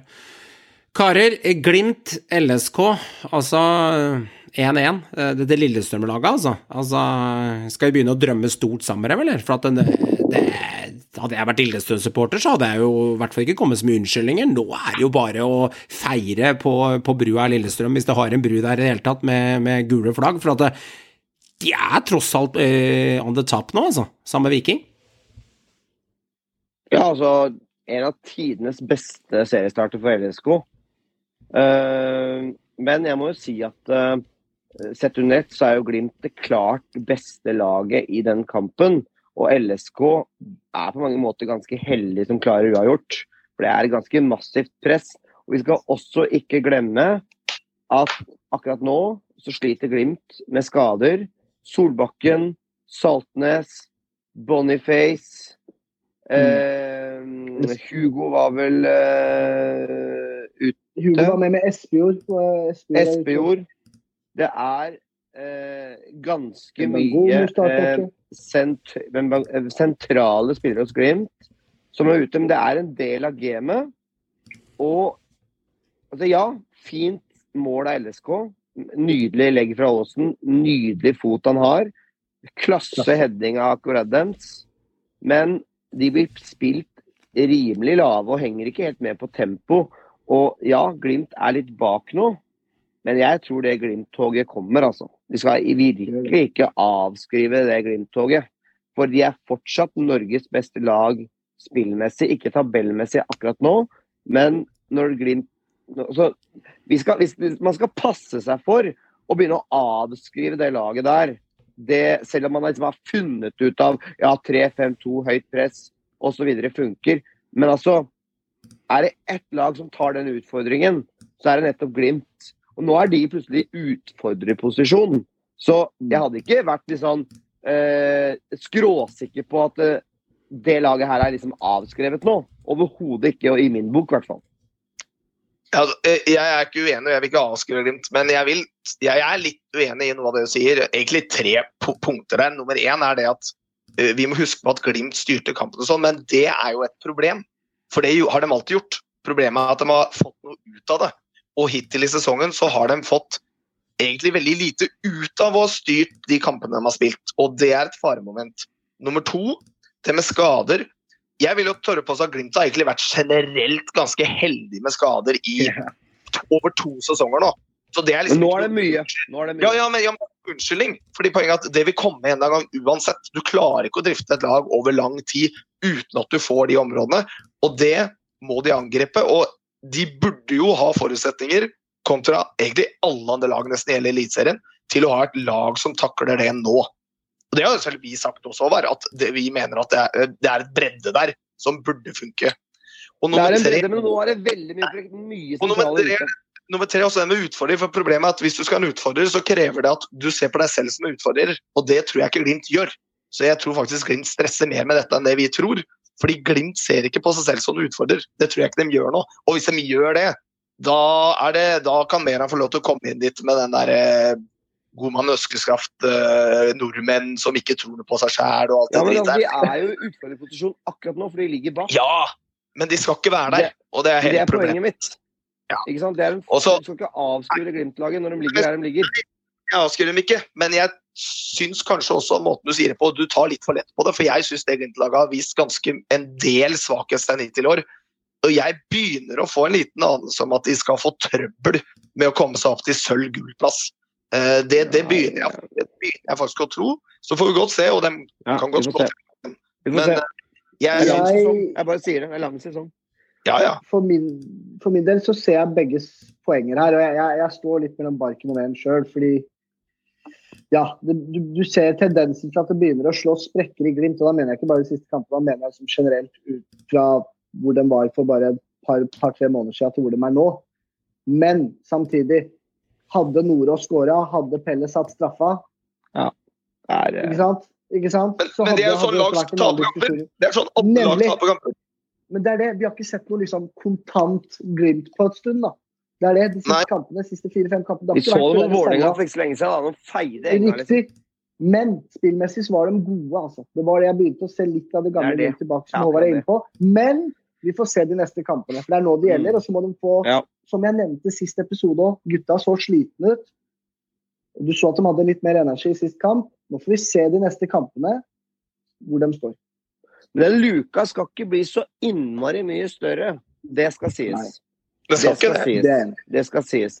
Men jeg tror at det LSK-laget Altså, dem kommer Det er også til å gå på en, eh, noen smeller. Det tror jeg. Jeg tror ikke dem er bedre enn at det kommer noen smeller der. Det er jeg faktisk eh, ganske skråsikker på, faktisk. Så derfor vil ikke jeg avskrive verken Molde eller Glimt, Hmm. ja, Ja. Mm. ja, jeg sa at jeg Og samme med Viking. Jeg er nesten mere Jeg ser nesten mer på Viking som et gull, gullag enn LSK. Akkurat for i min bok så gjør jeg det. Ja, det er jeg jo. Jeg Det er meldte jo. at eh, jeg trodde nedturen til Glimt starta i cupfinalen mot Molde, og vi kommer ikke til å ta den, eh, det gullet. Og jeg, jeg tror eh, det her kommer til å bli litt røffere for Glimt i 2022 enn vi, enn vi kanskje Jeg tror ikke tabellen lyver, jeg. Nei, jeg, jeg begynner å legge meg litt mot deg, og at jeg tror ikke den lyver helt. Jeg Jeg tror tror de har en del utfordringer i år. Vi har sett det så mange ganger før, når lag begynner å finne Ja. ut av eh, metoder andre lag spiller på, Ja. f.eks. med Molde og Rosenborg og tidligere. De kan holde på en to-tre sesonger ved herje og være gode og levere som F, og så plutselig begynner andre lag, eh, ref Rosenborg, ref Viking, ref Molde, det er eh, dog gode lag, men når de begynner å finne ut av spillet deres og legge seg bak der Lillestrøm nå sist, og begynner å klare å rydde unna og ta dem på kontringer, så må igjen da Glimt begynne å trene på ting som de må legge til en ny dimensjon i spillet sitt, som gjør at de igjen får trent litt lite på overganger og det de er gode på, for nå må de begynne å tilpasse seg motstanderen. Da begynner man å ikke sant, bearbeide, og så begynner man da å gå litt vekk fra det man gjorde tidligere, for å prøve å finne ut av det nye som må til for å slå Sarpsborg og eh, vinne de cupkampene, og plutselig kanskje eh, Du så mot Sandefjord òg, de dro i land en seier for to-tre runder siden, litt sånn Ja, de gjorde det pga. rutine og dyktighet, men de vant 1-2. Den kunne endt 1-1. Vi har mange sånne eksempler som er akkurat på halmstrået, ikke sant, så Nei, jeg Ikke noe sånn diss mot Glimt eller noen ting, men det er en tid for alt, er det noe som heter i den gamle Troika-reklamen på TV-en med sjokolade. Det er en tid for alt, og kanskje det er en tid for dette også, at nå, nå, nå begynner det å skje noe. Men da må det skje fort. Fordi tjeneren, treneren tjener sju mil. Så de må finne ut av det. Jeg er så opptatt av de penga mer, han. Ja, men, ja, men søren, altså, hvis de havner utafor europaplassering i år, da. Ja. Ikke sant? Ja, det det, skjer går ikke. ikke. Tjeneren tjener sju mil. Men Vi ikke må- sant? Du, må du, du må faktisk se på uh, hva som er hva, Som ikke starta den forrige kampen mot LSK. Og allikevel så er de såpass dominerende i banespillet. Altså Lasse Nordås. Jeg har knapt hørt om fyren. Han Mm. starta på topp, liksom. Espejord og Boniface var ute. Boniface er tilbake i neste runde. Espejord var på benk. Eh, Saltnes er snart tilbake. Solbakken han er ute en stund. Pelle er tilbake igjen. Altså, Ja. ikke sant? Så vi, vi får se de neste Mm. rundene nå. Jeg tror de slår hardt tilbake 16. mai, for å si det Altså, mildt. altså, jeg- jeg, jeg- Jeg tror ikke de havner på øh, syvendeplass i år. Det er ikke det jeg sier. Men eh, jeg syns ikke Glimt har sett noe altså De ser bedre ut i spillet, ja, men jeg syns Lillestrøm og Viking har sett som like gode fotballag, om ikke til delvis bedre fotballag enn Glimt hittil i år. Som et fotballag med et helt annet spill, ikke det samme fokuset, men som lag syns jeg nesten Jeg, de har fått effektivt sett hva de har fått ut av det de har gjort. Og det er jo det som betyr noe i fotball. Jeg, jeg er enig med effektivt sett med poeng og den biten her, men spillmessig, fotballmessig, syns jeg Glimt fortsatt ser Ja, ja. best, best ut. Men, Men de må ta på. jeg bare sier, som jeg sa i stad, det kommer et vindu. Og, og, og Glimt har spenn. mm. Ja, ja, ja, Så, jeg ser den, men vi har sett hva spenn altså, det, er ikke, det er jo ikke spenn Jo. som er Bodø-Glimt er bygd på her. Nei, nei, men kanskje de ser at vet du hva, vi må faktisk forsterke oss. Ja, og Det er ingen automatikk i at det blir bedre, heller. Nei, det er det ikke heller. Og for å komme enda et ting til, Håvard, jeg vet det er et men der, men det er ingen automatikk i at spillerne som er i Bodø-Glimt, kommer til å være der i sommervinduet. Kanskje noen av de spillerne som er Magnificente, blir solgt også? Bevare meg vel, og sånn er jo businessen. Nettopp. Men det, jeg, jeg vil bare si at ja, vi har spilt fem-seks runder nå. Altså, de, de, de, um, de er ikke så langt bak, liksom. Nei, men de er fortsatt to poeng foran elendige Rosenborg. Så eh, det begynner å bli et, snart en ganske svak sesongstart, selv om de har en kamp mindre spilt. Det er bare to poeng foran lag som Godset og Rosenborg. Som Og, vi har de, sagt og at- Rosenborg ser ikke ut. Ikke sant? Og da, så jeg synes det er litt sånn men, Men nå- men jeg- men, Hør da, jeg synes vi på en måte Det er greit det var spillmessig, men det har Godset vært i mange sesonger. Vært spillmessig mye bedre enn på lenge de har fått. Det er sant. På et lavere helt OK. Men jeg syns liksom at vi går litt i den derre vi har en tendens til å gå litt i den der, en liten sånn fallem nå. At liksom Rosenborg skal være topp tre, de har hatt en, men de har spilt dårlig fordi det er Rosenborg. Så har de hatt en elendig start. Ja. Og så er det litt sånn så hatt en elendig start. De har bare seks poeng, for de tapte 5-0 mot Sandefjord. Ikke nødvendigvis spilt så ræva som folk skal ha til, men de har ikke skåra nok mål til å, ta, til vinne. Og så kommer plutselig Molde. Nei, de mangler en spiss, men de har ikke hatt Altså, de kommer tilbake igjen. Nei, de har ikke hatt en like ræva start som Rosenborg, faktisk. Det er De- de poeng, liksom. Det er et godt det. poeng. Og Glimt. Det, to de har, å ja, men de ligger ikke så- De ligger faktisk De ligger mye nærmere nedrykk enn de ligger Lillestrøm. Så Men nei, det er feil, Joakim, for det er én kamp mindre spilt. Ja, det er sant, de har den kampen mindre spilt, men, Det- men eh, Ja, det er, men ikke nå. Det er ikke feil.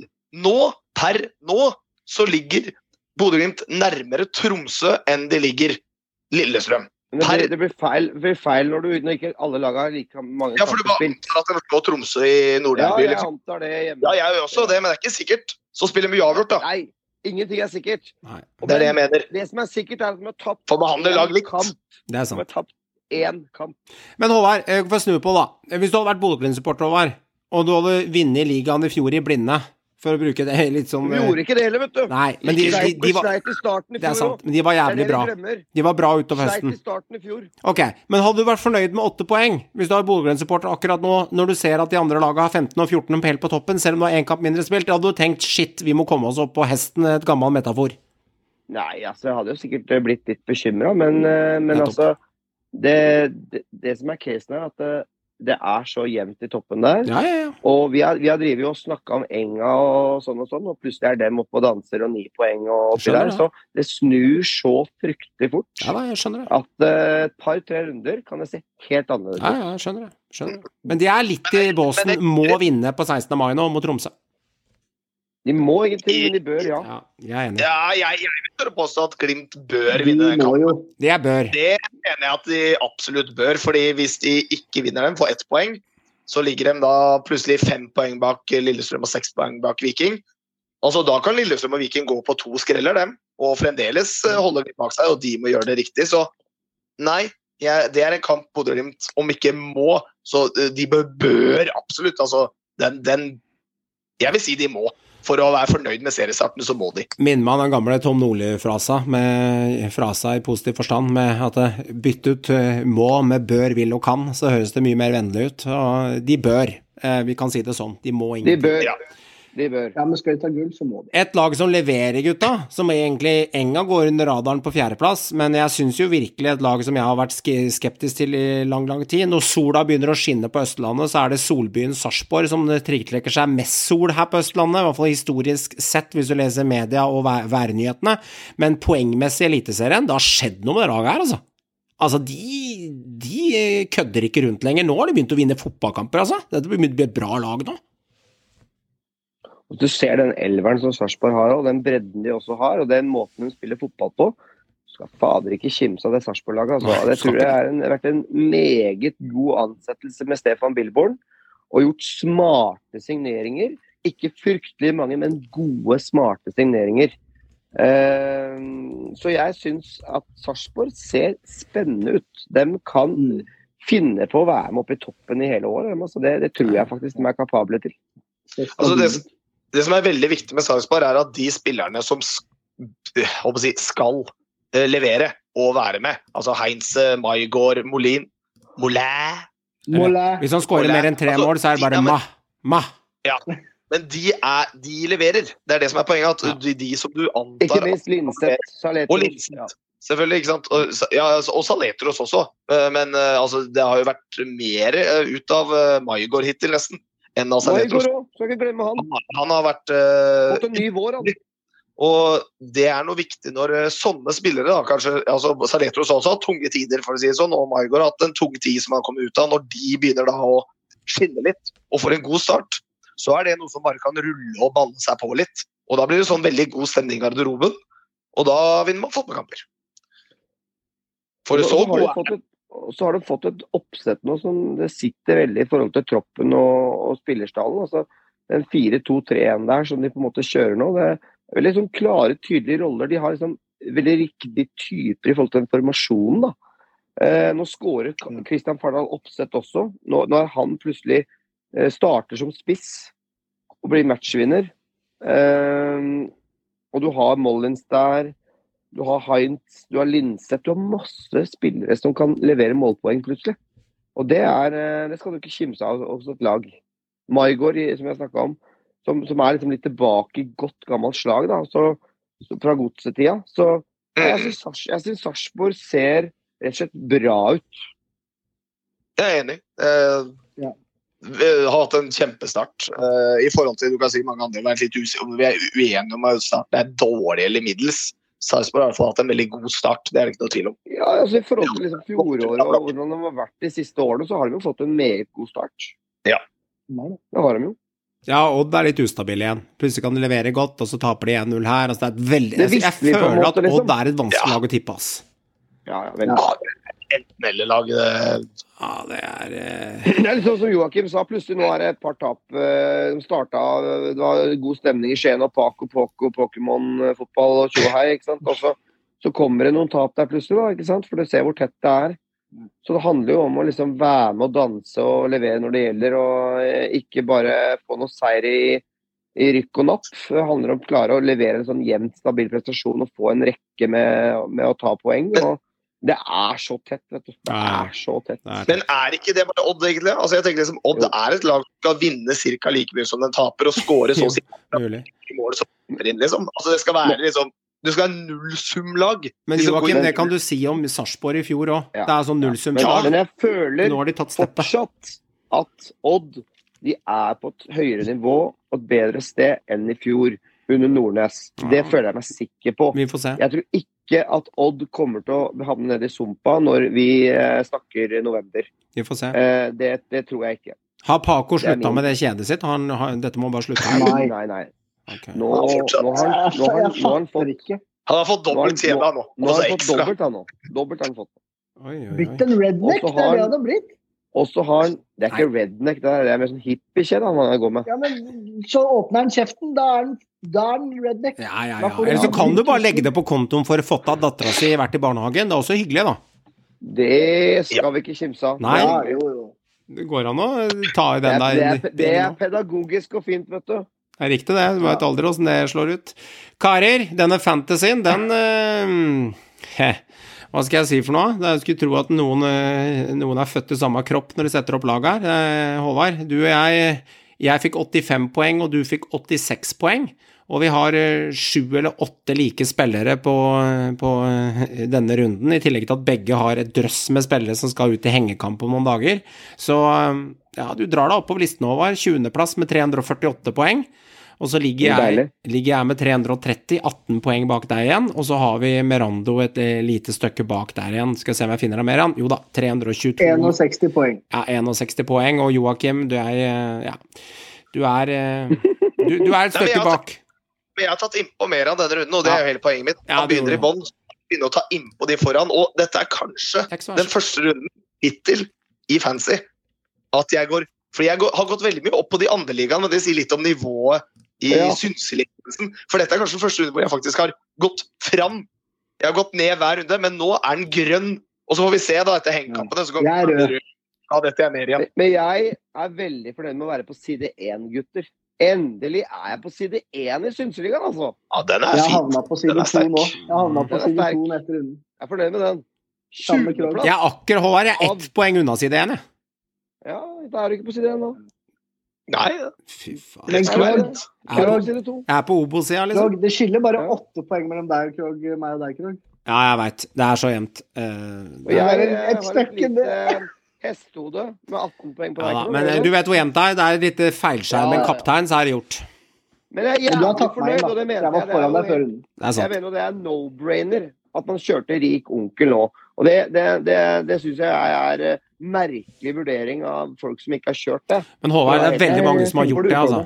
Det er veldig mange som har jeg vet gjort at det. det er mange som ikke har gjort det, men de som ikke har gjort det Jeg gjorde det ikke. ta dere sammen, tenker jeg da.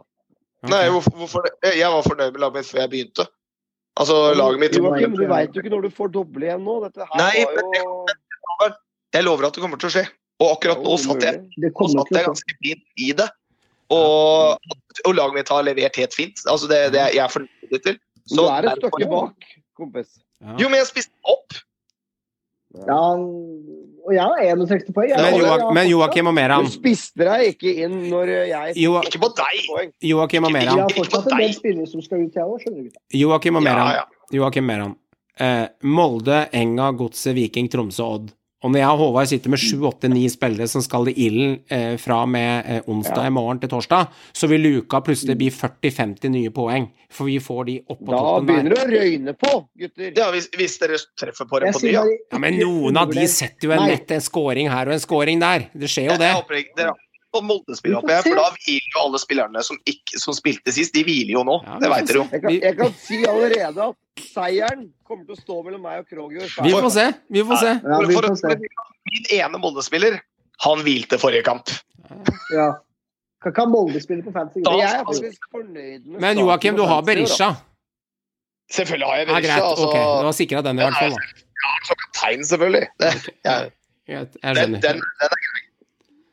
Nei, Jeg tør ikke å si hvem som skal stå mellom noen jeg, over i denne spillet her. Men jeg kan stille noen spørsmål til dere, da. Eh, hvis vi vekker fra en runde her, da. Er det noen spillere som bekymrer dere, som dere ser starte hos mer av, som er vanskelig å få inn på laget, som irriterer deg over?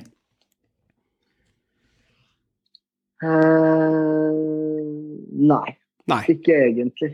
Uh, ikke som jeg kommer på nå. Uh, fordi de, de fleste som jeg på en måte må ha, er jo skada. Okay. Pelle har akkurat kommet tilbake fra skade, Ja. så jeg har fortsatt ikke satt den inn. Fornøyd med det. Men Tripic Har du tviholdt på Pelle, Meran? I skadeperioden? Nei. Jeg, jeg kasta den ut, jeg. jeg Ja, ja. Skjønner. Så jeg måtte jo tenke Det kan bety ulykke, altså. Han er jo din mann. Ja, men jeg har ikke hatt den på tre runder, da. Tre-fire runder. Så jeg, men, ja. men jeg tok den ut akkurat tidsnok. Og så satte den jeg ikke inn forrige kamp, og det er jeg glad for, for han brant jo straffe. Men vi får se. Kanskje framover så kommer han innpå.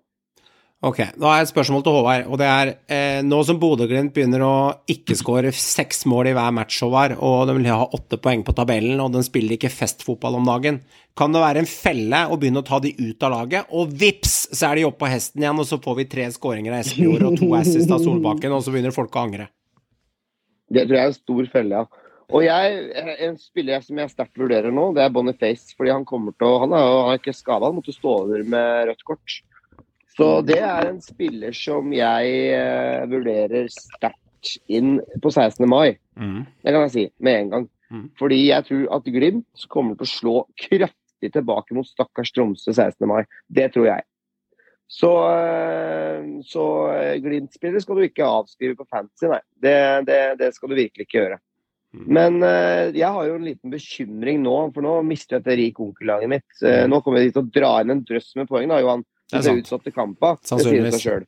Så vi kommer til å parkere resten av dette, dette panelet her på fantasy for godt. Vi får se. Uh, kommer aldri til å se oss tilbake. Jeg tar ikke uh, ingenting for granted her, altså. Men, men nå er jeg høy og mørk for at jeg har fått start. Jeg er på side yeah, én. Derfor, derfor kan jeg være det. Men, men uh, problemet mitt begynner jo på neste runde når disse, ut, disse utsatte kampene er over. Fordi det blir å komponere det laget jeg faktisk sitter med. Jeg sitter jo ikke med dette rike-onkel-laget. Jeg sitter jo med mitt gamle, samme gamle, vanlige lag. Ja, ja. Og da blir det spennende. Det søppellaget ditt, jeg skjønner. Nei, laget mitt, er, laget mitt er bra, det. Men Det er 40, 40 Da- poeng neste da- runde. da begynner jo på en måte eh, altså, Jeg hadde ikke prata når jeg ligger der du ligger, Joakim. Jo, jo, jo. Meld og smell. Er. Han er høy og mørk, de har slått Rosenborg. Så kan man bare slå oppover. ja, ja. Det er sant. Det det der blir minnet om stoppen tre i går. Ja, ja, men du ser for deg det Erna Solberg var statsminister. Hun kunne jo ikke disse folk nedover, men folk kunne disse i opposisjon oppover. Sånn er det jo alltid. Ja, ja. Det er en del av hierarkiet i ledelse. Ja, Men Ja, stopp der, du, Ja, dette er tross alt bare ferdig. Men eh, det blir spennende med neste runde, altså. Det blir det. det, blir det. Veldig, Joakim, for at du skal ta igjen oss oppover, hvilket skjulte triks uh, har du i ermet? Har du noen sånne Sims-koder på PlayStation eller dataspill? Sånne juksekoder, sånn cheating rik onkel, som alltid gjør at du kan bruke rik onkel? Har du fått deg noen tak i noen sånne? Nei, jeg har ikke brukt nok tid på the dark web ennå til å få tak i de. Nei. Men jeg, jeg er sikker på at de er der inne, så bare, jeg bare sier, ikke bli overraska om i halvveis så plutselig har, har jeg fått uh, 1500 poeng. da. Vi bare lar den ligge der. Okay. Så plutselig bare ligger jeg der. Okay. Og så blir laget mitt borte runda etterpå. Men jeg tror faktisk, for å trekke fram litt, at Vålerenga-spillere ser ut som dønner meg litt på gang. Mm. Saroui, Kjartansson, det er også spillere som man kanskje skal se litt sånn obs-obs for. Mm. Eh, faktisk. Uh, Enig i det. fortsatt, Bare det store eh, helvetesproblemet er skal du bruke 10 mil på Dønnum og 12 på Ja. Hvem skal ut? Men, ikke sant? Men poenget er at det, det, det vil være kanskje eh, OK valg, da. Mm. Eh, som kanskje ikke så mange har. Jeg, jeg, jeg tenker også litt annet, at jeg tror kanskje at det veldig mange vil kunne gjøre mye bra på nå, er å plukke riktig av disse spillerne mellom 7 og 8,5 eh, på midtbanen f.eks. Og plutselig velger han riktig spissen til 7,5. Eh, han, han altså Ebaye Haugen, akkurat den kampen han virkelig slår til. Fordi den store ja, ja, men, ja, han gjorde jo det nå nettopp. Eh, han er jo faktisk på laget mitt, så hvis han putter to mål mot Enga, så begynner det å se veldig fint ut. Men eh, Altså, Jeg tror kanskje mye ligger der, da, å velge de riktige. For jeg tror kanskje ikke dette blir sesongen hvor storkanonene kommer til å dominere de topplistene, de som koster 10-11-12 mil. Med unntak av Berisha, for han kommer til å bli toppscorer, det ser vi nå. Vi, vi, vi, hadde en, vi lurte litt en periode, men eh, nå blir han toppscorer, så er det greit. Ja. Men jeg tror også en liten, uh, liten dark horse er faktisk Salvesten. Hvis han blir satsa på som spiss nå, hvis han på en måte er inne i elveren en periode nå, så tror jeg han kommer til å skåre jevnt og trutt. Det kan være en mulighet. Kanskje Han kommer jo til han ender på ni mål. Altså, det er Alle godsespisser ender på rundt ni mål. Hvis de når ti, så er det rekord for godset på lang tid. Bare styr endte han unna. endte, Bare Ja, han endte jo på ti. Salvesen er den eneste som har endt på det på sikkert på fem år nå. Ja. Så- Bare styr men- unna Noah Holm, for det er ti millioner i bordet og skårer seks mål i år. Det er, det er bare en tidenes felle. Det er han går ikke an å ha. Spillere, den vurderer jeg faen ikke neste gang. Ja. altså. Ja, det Nei, er det gjør ikke jeg. Jeg gjør ikke det. Det Det gjør Faktisk. ikke jeg. Molde-spillere òg, Det er ikke et helvete. Ja, det er et mareritt. Karer, Molde styr unna Molde. oppdater meg på åssen det ligger an i Obos-ligaen. Ja, jeg kan begynne, jeg, Håvard. Det går kjapt, fordi uh, vi slo Ranheim. Jepp. Uh, Jevn kamp. Uh, Ja. Ble en borte her. Håvard kan ta over. Det var så lite å snakke om at Meran han orka ikke. Han frøs litt. Han kan ikke mer. Det går bra. Der var du tilbake Meran. Jeg Sliter litt med lyden din, så ta en avsjekk på den. beklager. Det går Jo, bra. nei, eh, jevn kamp. Eh, Stabæk eh, tok det siste strået. Skåring fra Wangberg, og så klarte de å holde de, dra det i land. da. Klarte å holde igjen, holde nullen. Og nok en kamp hvor Stabæk er vinner på bortebane. Så får vi se når det er hjemmekamp og skal spille på en dårlig gressmatte. Men de slipper jo ikke inn mål, Stabæk, da. Tre skåringer innsluppet på fem kamper. De er ganske gjerrige. Det som er interessant, vet du, Meran, eh, apropos deres hjemmebane. Eh, jeg hørte en podkast podcast nå, Fotballrådet, med han Løkberg og han der eh, Vegard eh, Vågbø, eller hva han heter for noe. Som, Mm. eh, det er en sånn uh, ny, ny podcast da, som har fått er erstatning for Spillerådet. Okay. Uh, Der var jo uh, Helten Nilsen og Wangberg gjester. Og da er jo særlig da Wangberg Han omtaler faktisk egen hjemmebane som deres verste fiende. Ja, At så jævlig er gressmatta på Nadderud at det er eh, rett og slett eh, deres verste fiende med tanke på å rett og slett få til fot spille fotballen sin og ta poeng. Og det er jo alarmerende. Og, og jeg vil faktisk det samme. Sivert Helsen Nilsen er ikke like kritisk, men han vet hvor anspent den kunstgressdebatten er i Bergen. At han hadde blitt Ja. nesten uh, kjeppjaga hjem uh, på, på Torgallmenningen. Hadde han sagt dette her høyt på podkast. Men, men matta på Brann stadion også. Ja, den er i bedring, men det har heller ikke vært bra. Og, og jeg ser jo tydelig som Brann-fan hvor mye bedre Brann er på bortebane og kunstgress enn hva de er kontra på sin egen hjemmebane. Og det er jo faen ikke bra Men- når, når, men- når lag må spille på sånne matter. Men det er et men. Det handler om hvordan du går ut taktisk til kampen. Når du går ut med samme taktikk som du gjør med å spille på kunstgress, da er det bare for Sandnes Ulf. Ligge kompakt, ta den ene kontringa og ta med seg tre poeng hjem fra Ja, men det er jo ikke lett for Sandnes Ulf å spille på sånn matte det gjelder. Drit i det men tenk på hvor mye elendige gressmatter og baner faktisk ødelegger for lag. Selvfølgelig. selvfølgelig. Det er jo det er en del av. Dette gamet. her irriterer meg, altså. Ja da. Skjønner. Ja, men, men eh, for å snakke om mitt eh, eget lag det Dere har scora mest, av Håvard, i ligaen. Dere scorer jævlig Ja. mye mål. Og det var deilig å se ketsjup-effekten endelig.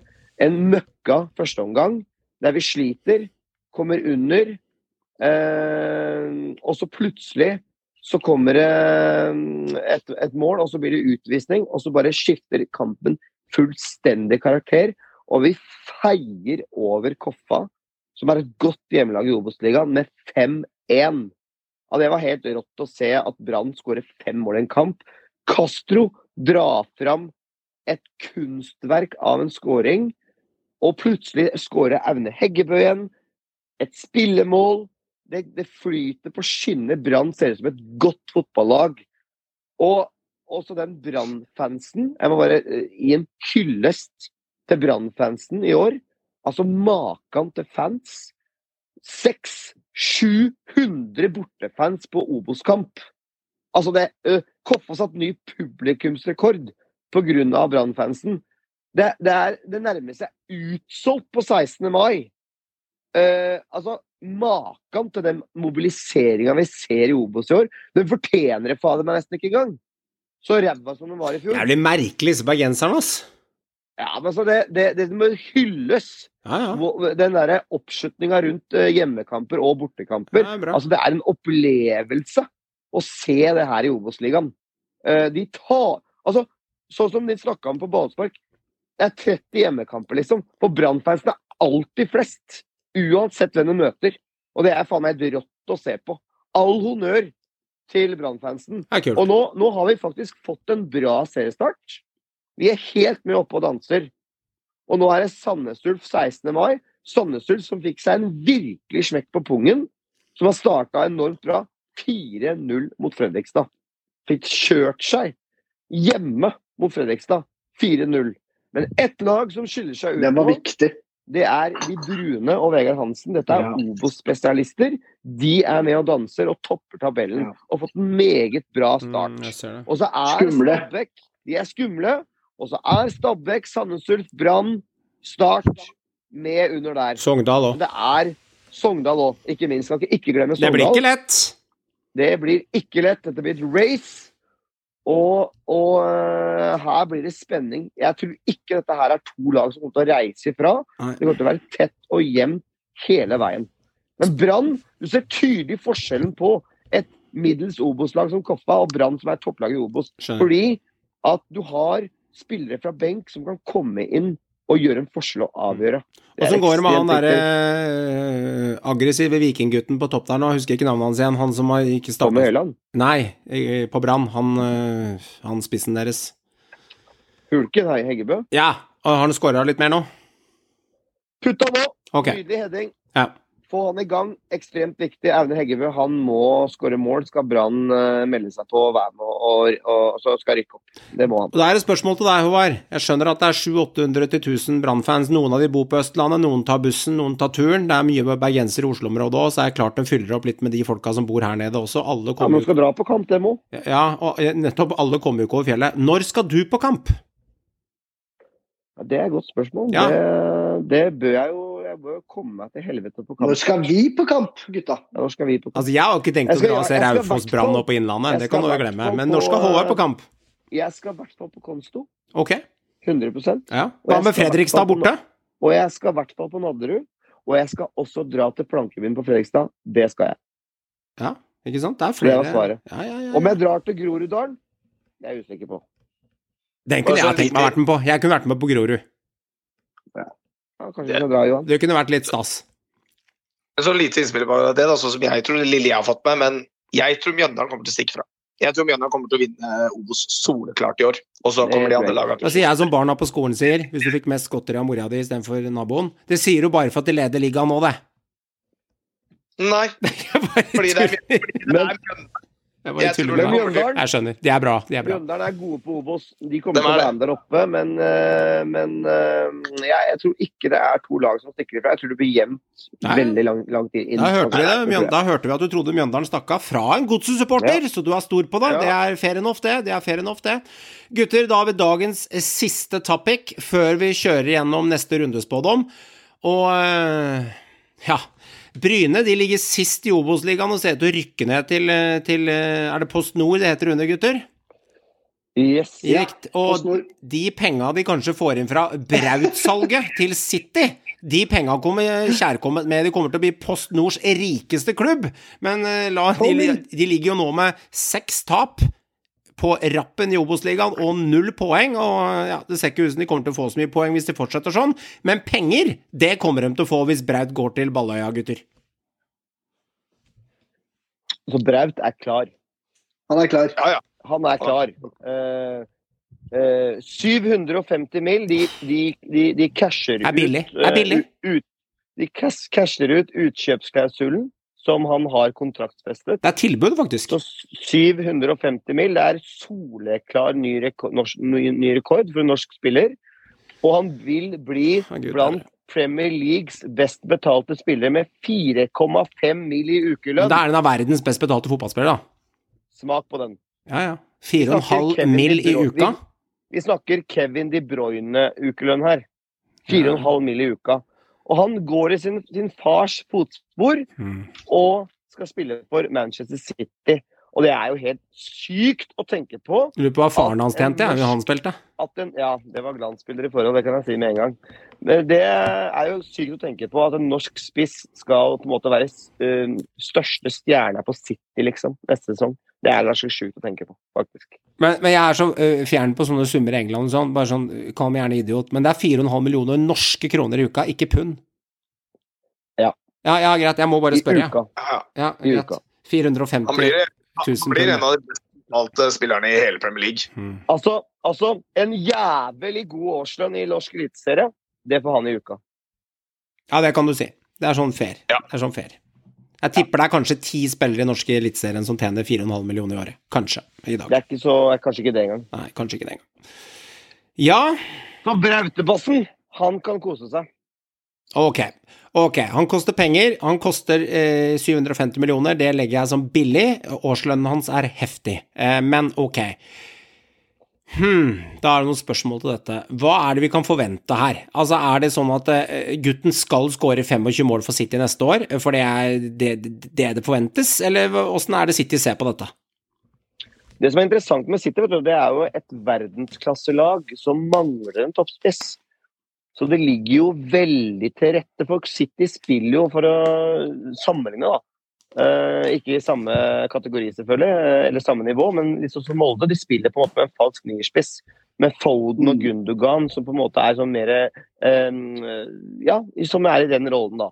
Så de har ikke noe klassespiss. Ja, de har Gabriel Jesus, som er en god spiss, men ikke i nærheten av verdensklasse. Så de ligger på en måte rulla ut rød løper for Brautebass, som skal gjøre sin entre i Premier League, og som skal spille spiss på et av verdens beste lag. Og jeg tror at der er det så vanvittig mye gode tilretteleggere som han har, med De Bruyne, Foden, Gundogan, altså Mares, herre min hatt, Stirling, nevner i fleng. Så, så holder han seg skadefri, så kommer han til å bøtte inn mål, tror jeg. Men det er en annen fotball i England enn i Tyskland. Det er en annen fysikk. Det er maskin han er, da. Altså, og, og, han, og han kommer til å bli tatt av kjøttstoppere som du har i Premier League. Ja, men de er treige, vet du. De er treige. Men nei, det er er, dette er ikke Premier League 90-tallet du fulgte med, Krog. Gary er er- Pallister. Det er, det er, det er atlet, det er ikke David Unsworth eh, Bekkerekka nå. Så, men men eh, fy faen, for en høyinteressant overgang og gøy å følge. Og dette gjør meg mer lysten på å kjøpe den Premier League-pakka neste år. Det må jeg si. Ok. Du kan bare, bare si det enkelt. da. Sist gang City hadde en verdensklasse-spiss, så han er Citys uh, toppskårer gjennom tidene. Ove Røsler. Ja, Ove Røsler, helt korrekt. Nei, det var Sergio Aguero var det, og han er toppskåreren gjennom tidene. Ja. Og han var er toppskårer i. Premier League er flere år på rad. Synd det ikke var Ove er- Røsler, egentlig. Og er legende. Ove Røsler, klasse. Så, altså for å si det sånn, hvis, altså jeg blir skuffa om ikke Haaland putter mellom minst 25 mål. Eh, da blir jeg skuffa. Da, da har ikke han hatt en god sesong som spiss i City. Ferdig. Altså, putter han over 20, Joakim. Altså, se på Ja, toppskårerlista se, se på toppskårerlista på Premier League. Det er ikke mange over 20 mål. her, Nei, men det, men det er ikke så veldig mange lag som heller har den spillet som City har. Eh, Og, har, og kommer til å være så dominerende som altså, de altså, kommer til å være neste år. Han, han har forventninger på sine skuldre. Yes. Uten tvil. Ja, men de, de, Og- og- City og styrer vel gutten- 78 av alle kampene de spiller. Ja, ja. Er du gæren? Så eh, Nettopp. Han kommer til å bli fora. Han kommer Han til å, kommer han til kommer å til å fora med baller. per kamp han i snitt. Og han er en, han er en, han er en Det han kanskje er best på, en, en av de beste i verden, det er nettopp som avslutter. Han er en ekstremt klinisk avslutter. Det er Braut ekstremt på. ok, sjukt spørsmål. Er det mulig at man kan golle 35 mål i debutsesongen Ja, ja. sin i England? Selvfølgelig. Det Ok. Han kan, mulig. han kan jo det. 40? Det er mulig. Selvfølgelig med alle turneringer. Ja, Da, da, da, I alle turneringer, men ikke, ikke i Premier League. Ja. Ikke i Nei, Premier League. Nei, nei, nei, Ikke i Premier League, nei. Gæren. Er du gal? Vi Er snakker gal? alle turneringer. Nei, men altså, jeg må innrømme det blir høyst interessant. Eh, nå har vi faktisk da potensielt, for å snakke norsk fotball, en nye kaptein til Arsenal i Martin Ødegaard, og vi har eh, ledestjerne, en av verdens beste spisser på City i Premier League. Så ha det bra, Mathias Nordmann og Joshua King. Dere rykker ned. Vi erstatter dere med Breitebass eh, og Jeg liker det nye Martin navnet som- på han, Håvard. Jeg liker det nye navnet du lager. Ja, som ny kaptein. Ja. Så eh, det blir, eh, det blir gøy å se Premier League neste år, og det får meg til å ville kjøpe den her dyre pakka fra Nent. Brautebass. Det høres ut som han sitter hjemme på Bryne og spiser vafler og smørbukk med Ja, navnet der. ja, ja. Det er jo det er rått. det er rått. Da kommer Brautebass på plass, og alle i Norge ber 699 kroner fattigere i måneden, for nå om de begynner å paye opp for den Premier League-pakka. Ja. Ja. Og Nent gnir seg i henda etter den overgangen. Ja, ja, ja. Gris, alle griske jævler, Ja, hele gjengen. Jan Åge Fjørtoft han griner på kontoret nå, i glede. Ja. Men Jan Åge Fjørtoft må huske på én ting, vet du. Sola har ikke kun stått opp for han. Det er viktig. Det, det handler ikke om han, dette her. Ok, 16. mai-runden, gutter. Jeg skal ta gjennom neste spådomrunde eh, på resultatene. Forrige, forrige runde så får Håvard eh, Håvard får ett poeng for Sarp-seier. Bomma på resultat. Og så får Meran eh, null poeng. Du bomma akkurat hele veien, Merando. Eh, Johan får eh, to poeng for 1-1 i Jerv-Tromsø. Så der traff jeg spot on. Bommer grovt på Sandefjord. Eh, Godset treffer du på, Joakim, med hjemmeseier. Da får du ett poeng. Og så treffer du søren meg på HamKam Ålesund òg. Der får du også ett poeng. Så eh, sterkt gjort. Så det gjør at jeg ligger med sju poeng. Eh, Joakim ligger med fire. Meran ligger med fem, og Håvard ligger med fem. Her kommer rundens vri. 16. mai-runden. Samme som tidligere. tipper resultat. Vi starter med deg, Håvard. Men denne runden her så får dere doble poeng. Fordi at 16. Har du joker her òg? her er en liten Er joker, henta ved inspirasjon fra deg. Fordi, rett og slett fordi at 16. mai har en så høy stjerne i Norge at vi kjører ei lita Mm. dobbel. Så hvis du klarer å tippe riktig seierheiere, så er det to poeng. Klarer du å tippe riktig resultat, så får du en rekkefirer. Og den rekkefireren, da er det plutselig ledelsen. Så Håvard, ordet er ditt, og du starter med lokaloppgjøret Ålesund-Molde, og så blir det Glimt-Tromsø. Du får begge lokaloppgjøret, Håvard, hvis det siste kan kalles lokaloppgjør. Ålesund-Molde. det er- Her må du er tenke, for nå er det doble en, poeng som står på eh, spill. Det er faktisk en, en dar, et derby, eh, og Ålesund er ofte gode der. Ja. Molde er sliter litt. Grann. Ja. Eh, Mens du er tenker, så nevner jeg følgende informasjon. Hengekampene som går onsdag-torsdag, er ikke med i neste rundespådom hos oss, for det er hengekamper, så vi har tatt de vekk fra dette. Dette gjelder 16. mai-runden. Eh, Ålesund, vet du hva, jeg tror de går på, tar en skrell og vinner 2-1. Du kjører 2-1 med dobbelt poeng i bordet, altså? Ja, jeg gjør det. Ok. Glimt-Tromsø. Kampen om Nord-Norge. Eh, jeg tror faktisk de gjør det. Eh, Glimt Tromsø. Eh, 4-1. 4-1 til Glimt. Joakim, du får ditt eget lag. Kristiansund Godset borte. Jeg, jeg velger å tro at eh, Kristiansund fremdeles er like crap, og at Godset har fått litt flyt. Men eh, det er, jeg tror ikke Godset kommer til å finne mye. Eh, jeg, jeg satser på at Godset tar en andre borteseieren Oi. på halvannet år jeg, nå, mot Kristiansund, og at det blir en ny sånn 0-1-seier. Snart oppe på medaljeplass, da, hvis det Ja, ja. fortsetter sånn her. Og så er det LSK Sarp. Den er ikke så enkel. Den er vanskelig. Det er Jeg tror, det blir, jeg tror det blir mer mål der. Det enten gjør det det, så blir det ikke. Vet du, så blir det ingenting. Nei, jeg tror eh, det høres litt ut som eh, Skal vi si 2-2, tenker jeg. 2-2. 2-2 Dalum. 2-2 da. Jeg har fått mye spørsmål om hvordan dette her settes opp, men det jeg gjør alltid når jeg setter opp, er at jeg skriver navnet til dere først, f.eks. Håvard Joakim Meram Johan, og så skriver jeg Johan Joakim Håvard Meram, og så etter det så går jeg bare og følger eh, tabelloppsettet på kampene fra Fantasy på måten de er satt opp på, så at du får to, godset to uker på rad, det er helt tilfeldig. Plutselig kan du få to uker på rad, plutselig får du ikke godset på seks runder. Det er bare ren, pur, skjær flaks i systemet. Så sånn settes kampene opp. Odd Haugesund til deg, eh, Meran, og RBK Sandefjord. Hvis vi begynner med Odd Haugesund, da, Ja. så um, det kommer til å være fint vær. Paco kommer til å stå der med en ganske tettsittende tight T-skjorte og det halskjedet sitt. Herlig. Liker Det Det blir en 2-1-seier til Odd. Ok. Hva sa den andre kampen var? RBK på Lerkendal. Presskampen til Rosenborg mot Sandefjord. RBK Lerkendal. Nei, RBK mot Sandefjord. Sandefjord. Sandefjord. Oh. Ja, ja, ja. 16. mai-kampen, ja. Ja, 16. mai-kampen. Den ender jo 1-1. Ja, Rosenborg vinner ikke på 16. mai. nei, det er en klassiker. Ok, Odd Haugesund 2-1 hjemme til Odderne, og RBK Sandefjord 1-1. Og så kjører jeg eh, Viking Jerv. Ja, nå flyr jo Viking høyt, da, og Jerv de eh, Jeg tror Jerv er fornøyde. Eh, ganske fornøyde med at de har tatt så mye poeng de har hatt. Så jeg tror de kommer til å prøve å gå ut og legge seg defensivt, og prøve en ting de ikke kanskje har prøvd tidligere. ved at de, eh, ja, Nå har de prøvd å vinne fotballkamper og, og klart å fått noen uavgjorte. Jeg tror at her så tror jeg de får Jeg tror vi får alvorlige problemer. Så jeg tror vi snakker 4-0 til Viking hjemme. Ja. Ordentlig, ordentlig viking, skikkelig vikingrask for dem. Eh, Hvis du tar bort Berisha som kaptein foran den fansrunda, da er du idiot, for å si det sånn. Eller så, har du, det ja, er, eller så har du skikkelig baller. ja, så For har en, baller. for en baller. eh, vikingvoldtekt, holdt jeg på å si. Ja, det, er, det kommer til å bli 4-0. Jeg vurderer å legge på en femmer der, men jeg kjører firer i bordet. Så eh, det blir 4-0. Enga HamKam ehm, Det er sånn ta og føle på-match. Jeg tror ikke HamKam er så lett å bryte ned. Så tror ikke jeg Vålerenga er så sterke heller til å klare å bryte ned et lag heller. Så jeg tror det blir et antiklimaks, så jeg sier 1-1. Jeg tror HamKam får med seg igjen noe fra den matchen der. Jeg tror ikke Enga er gode nok til å kjøre de ned i gjørma. Og HamKam kommer til å gjøre alt for å få det ene poenget, så jeg tror det blir 1-1. Det er fin matte også. Så eh, Viking Jerv 4-0 og Enga HamKam 1-1.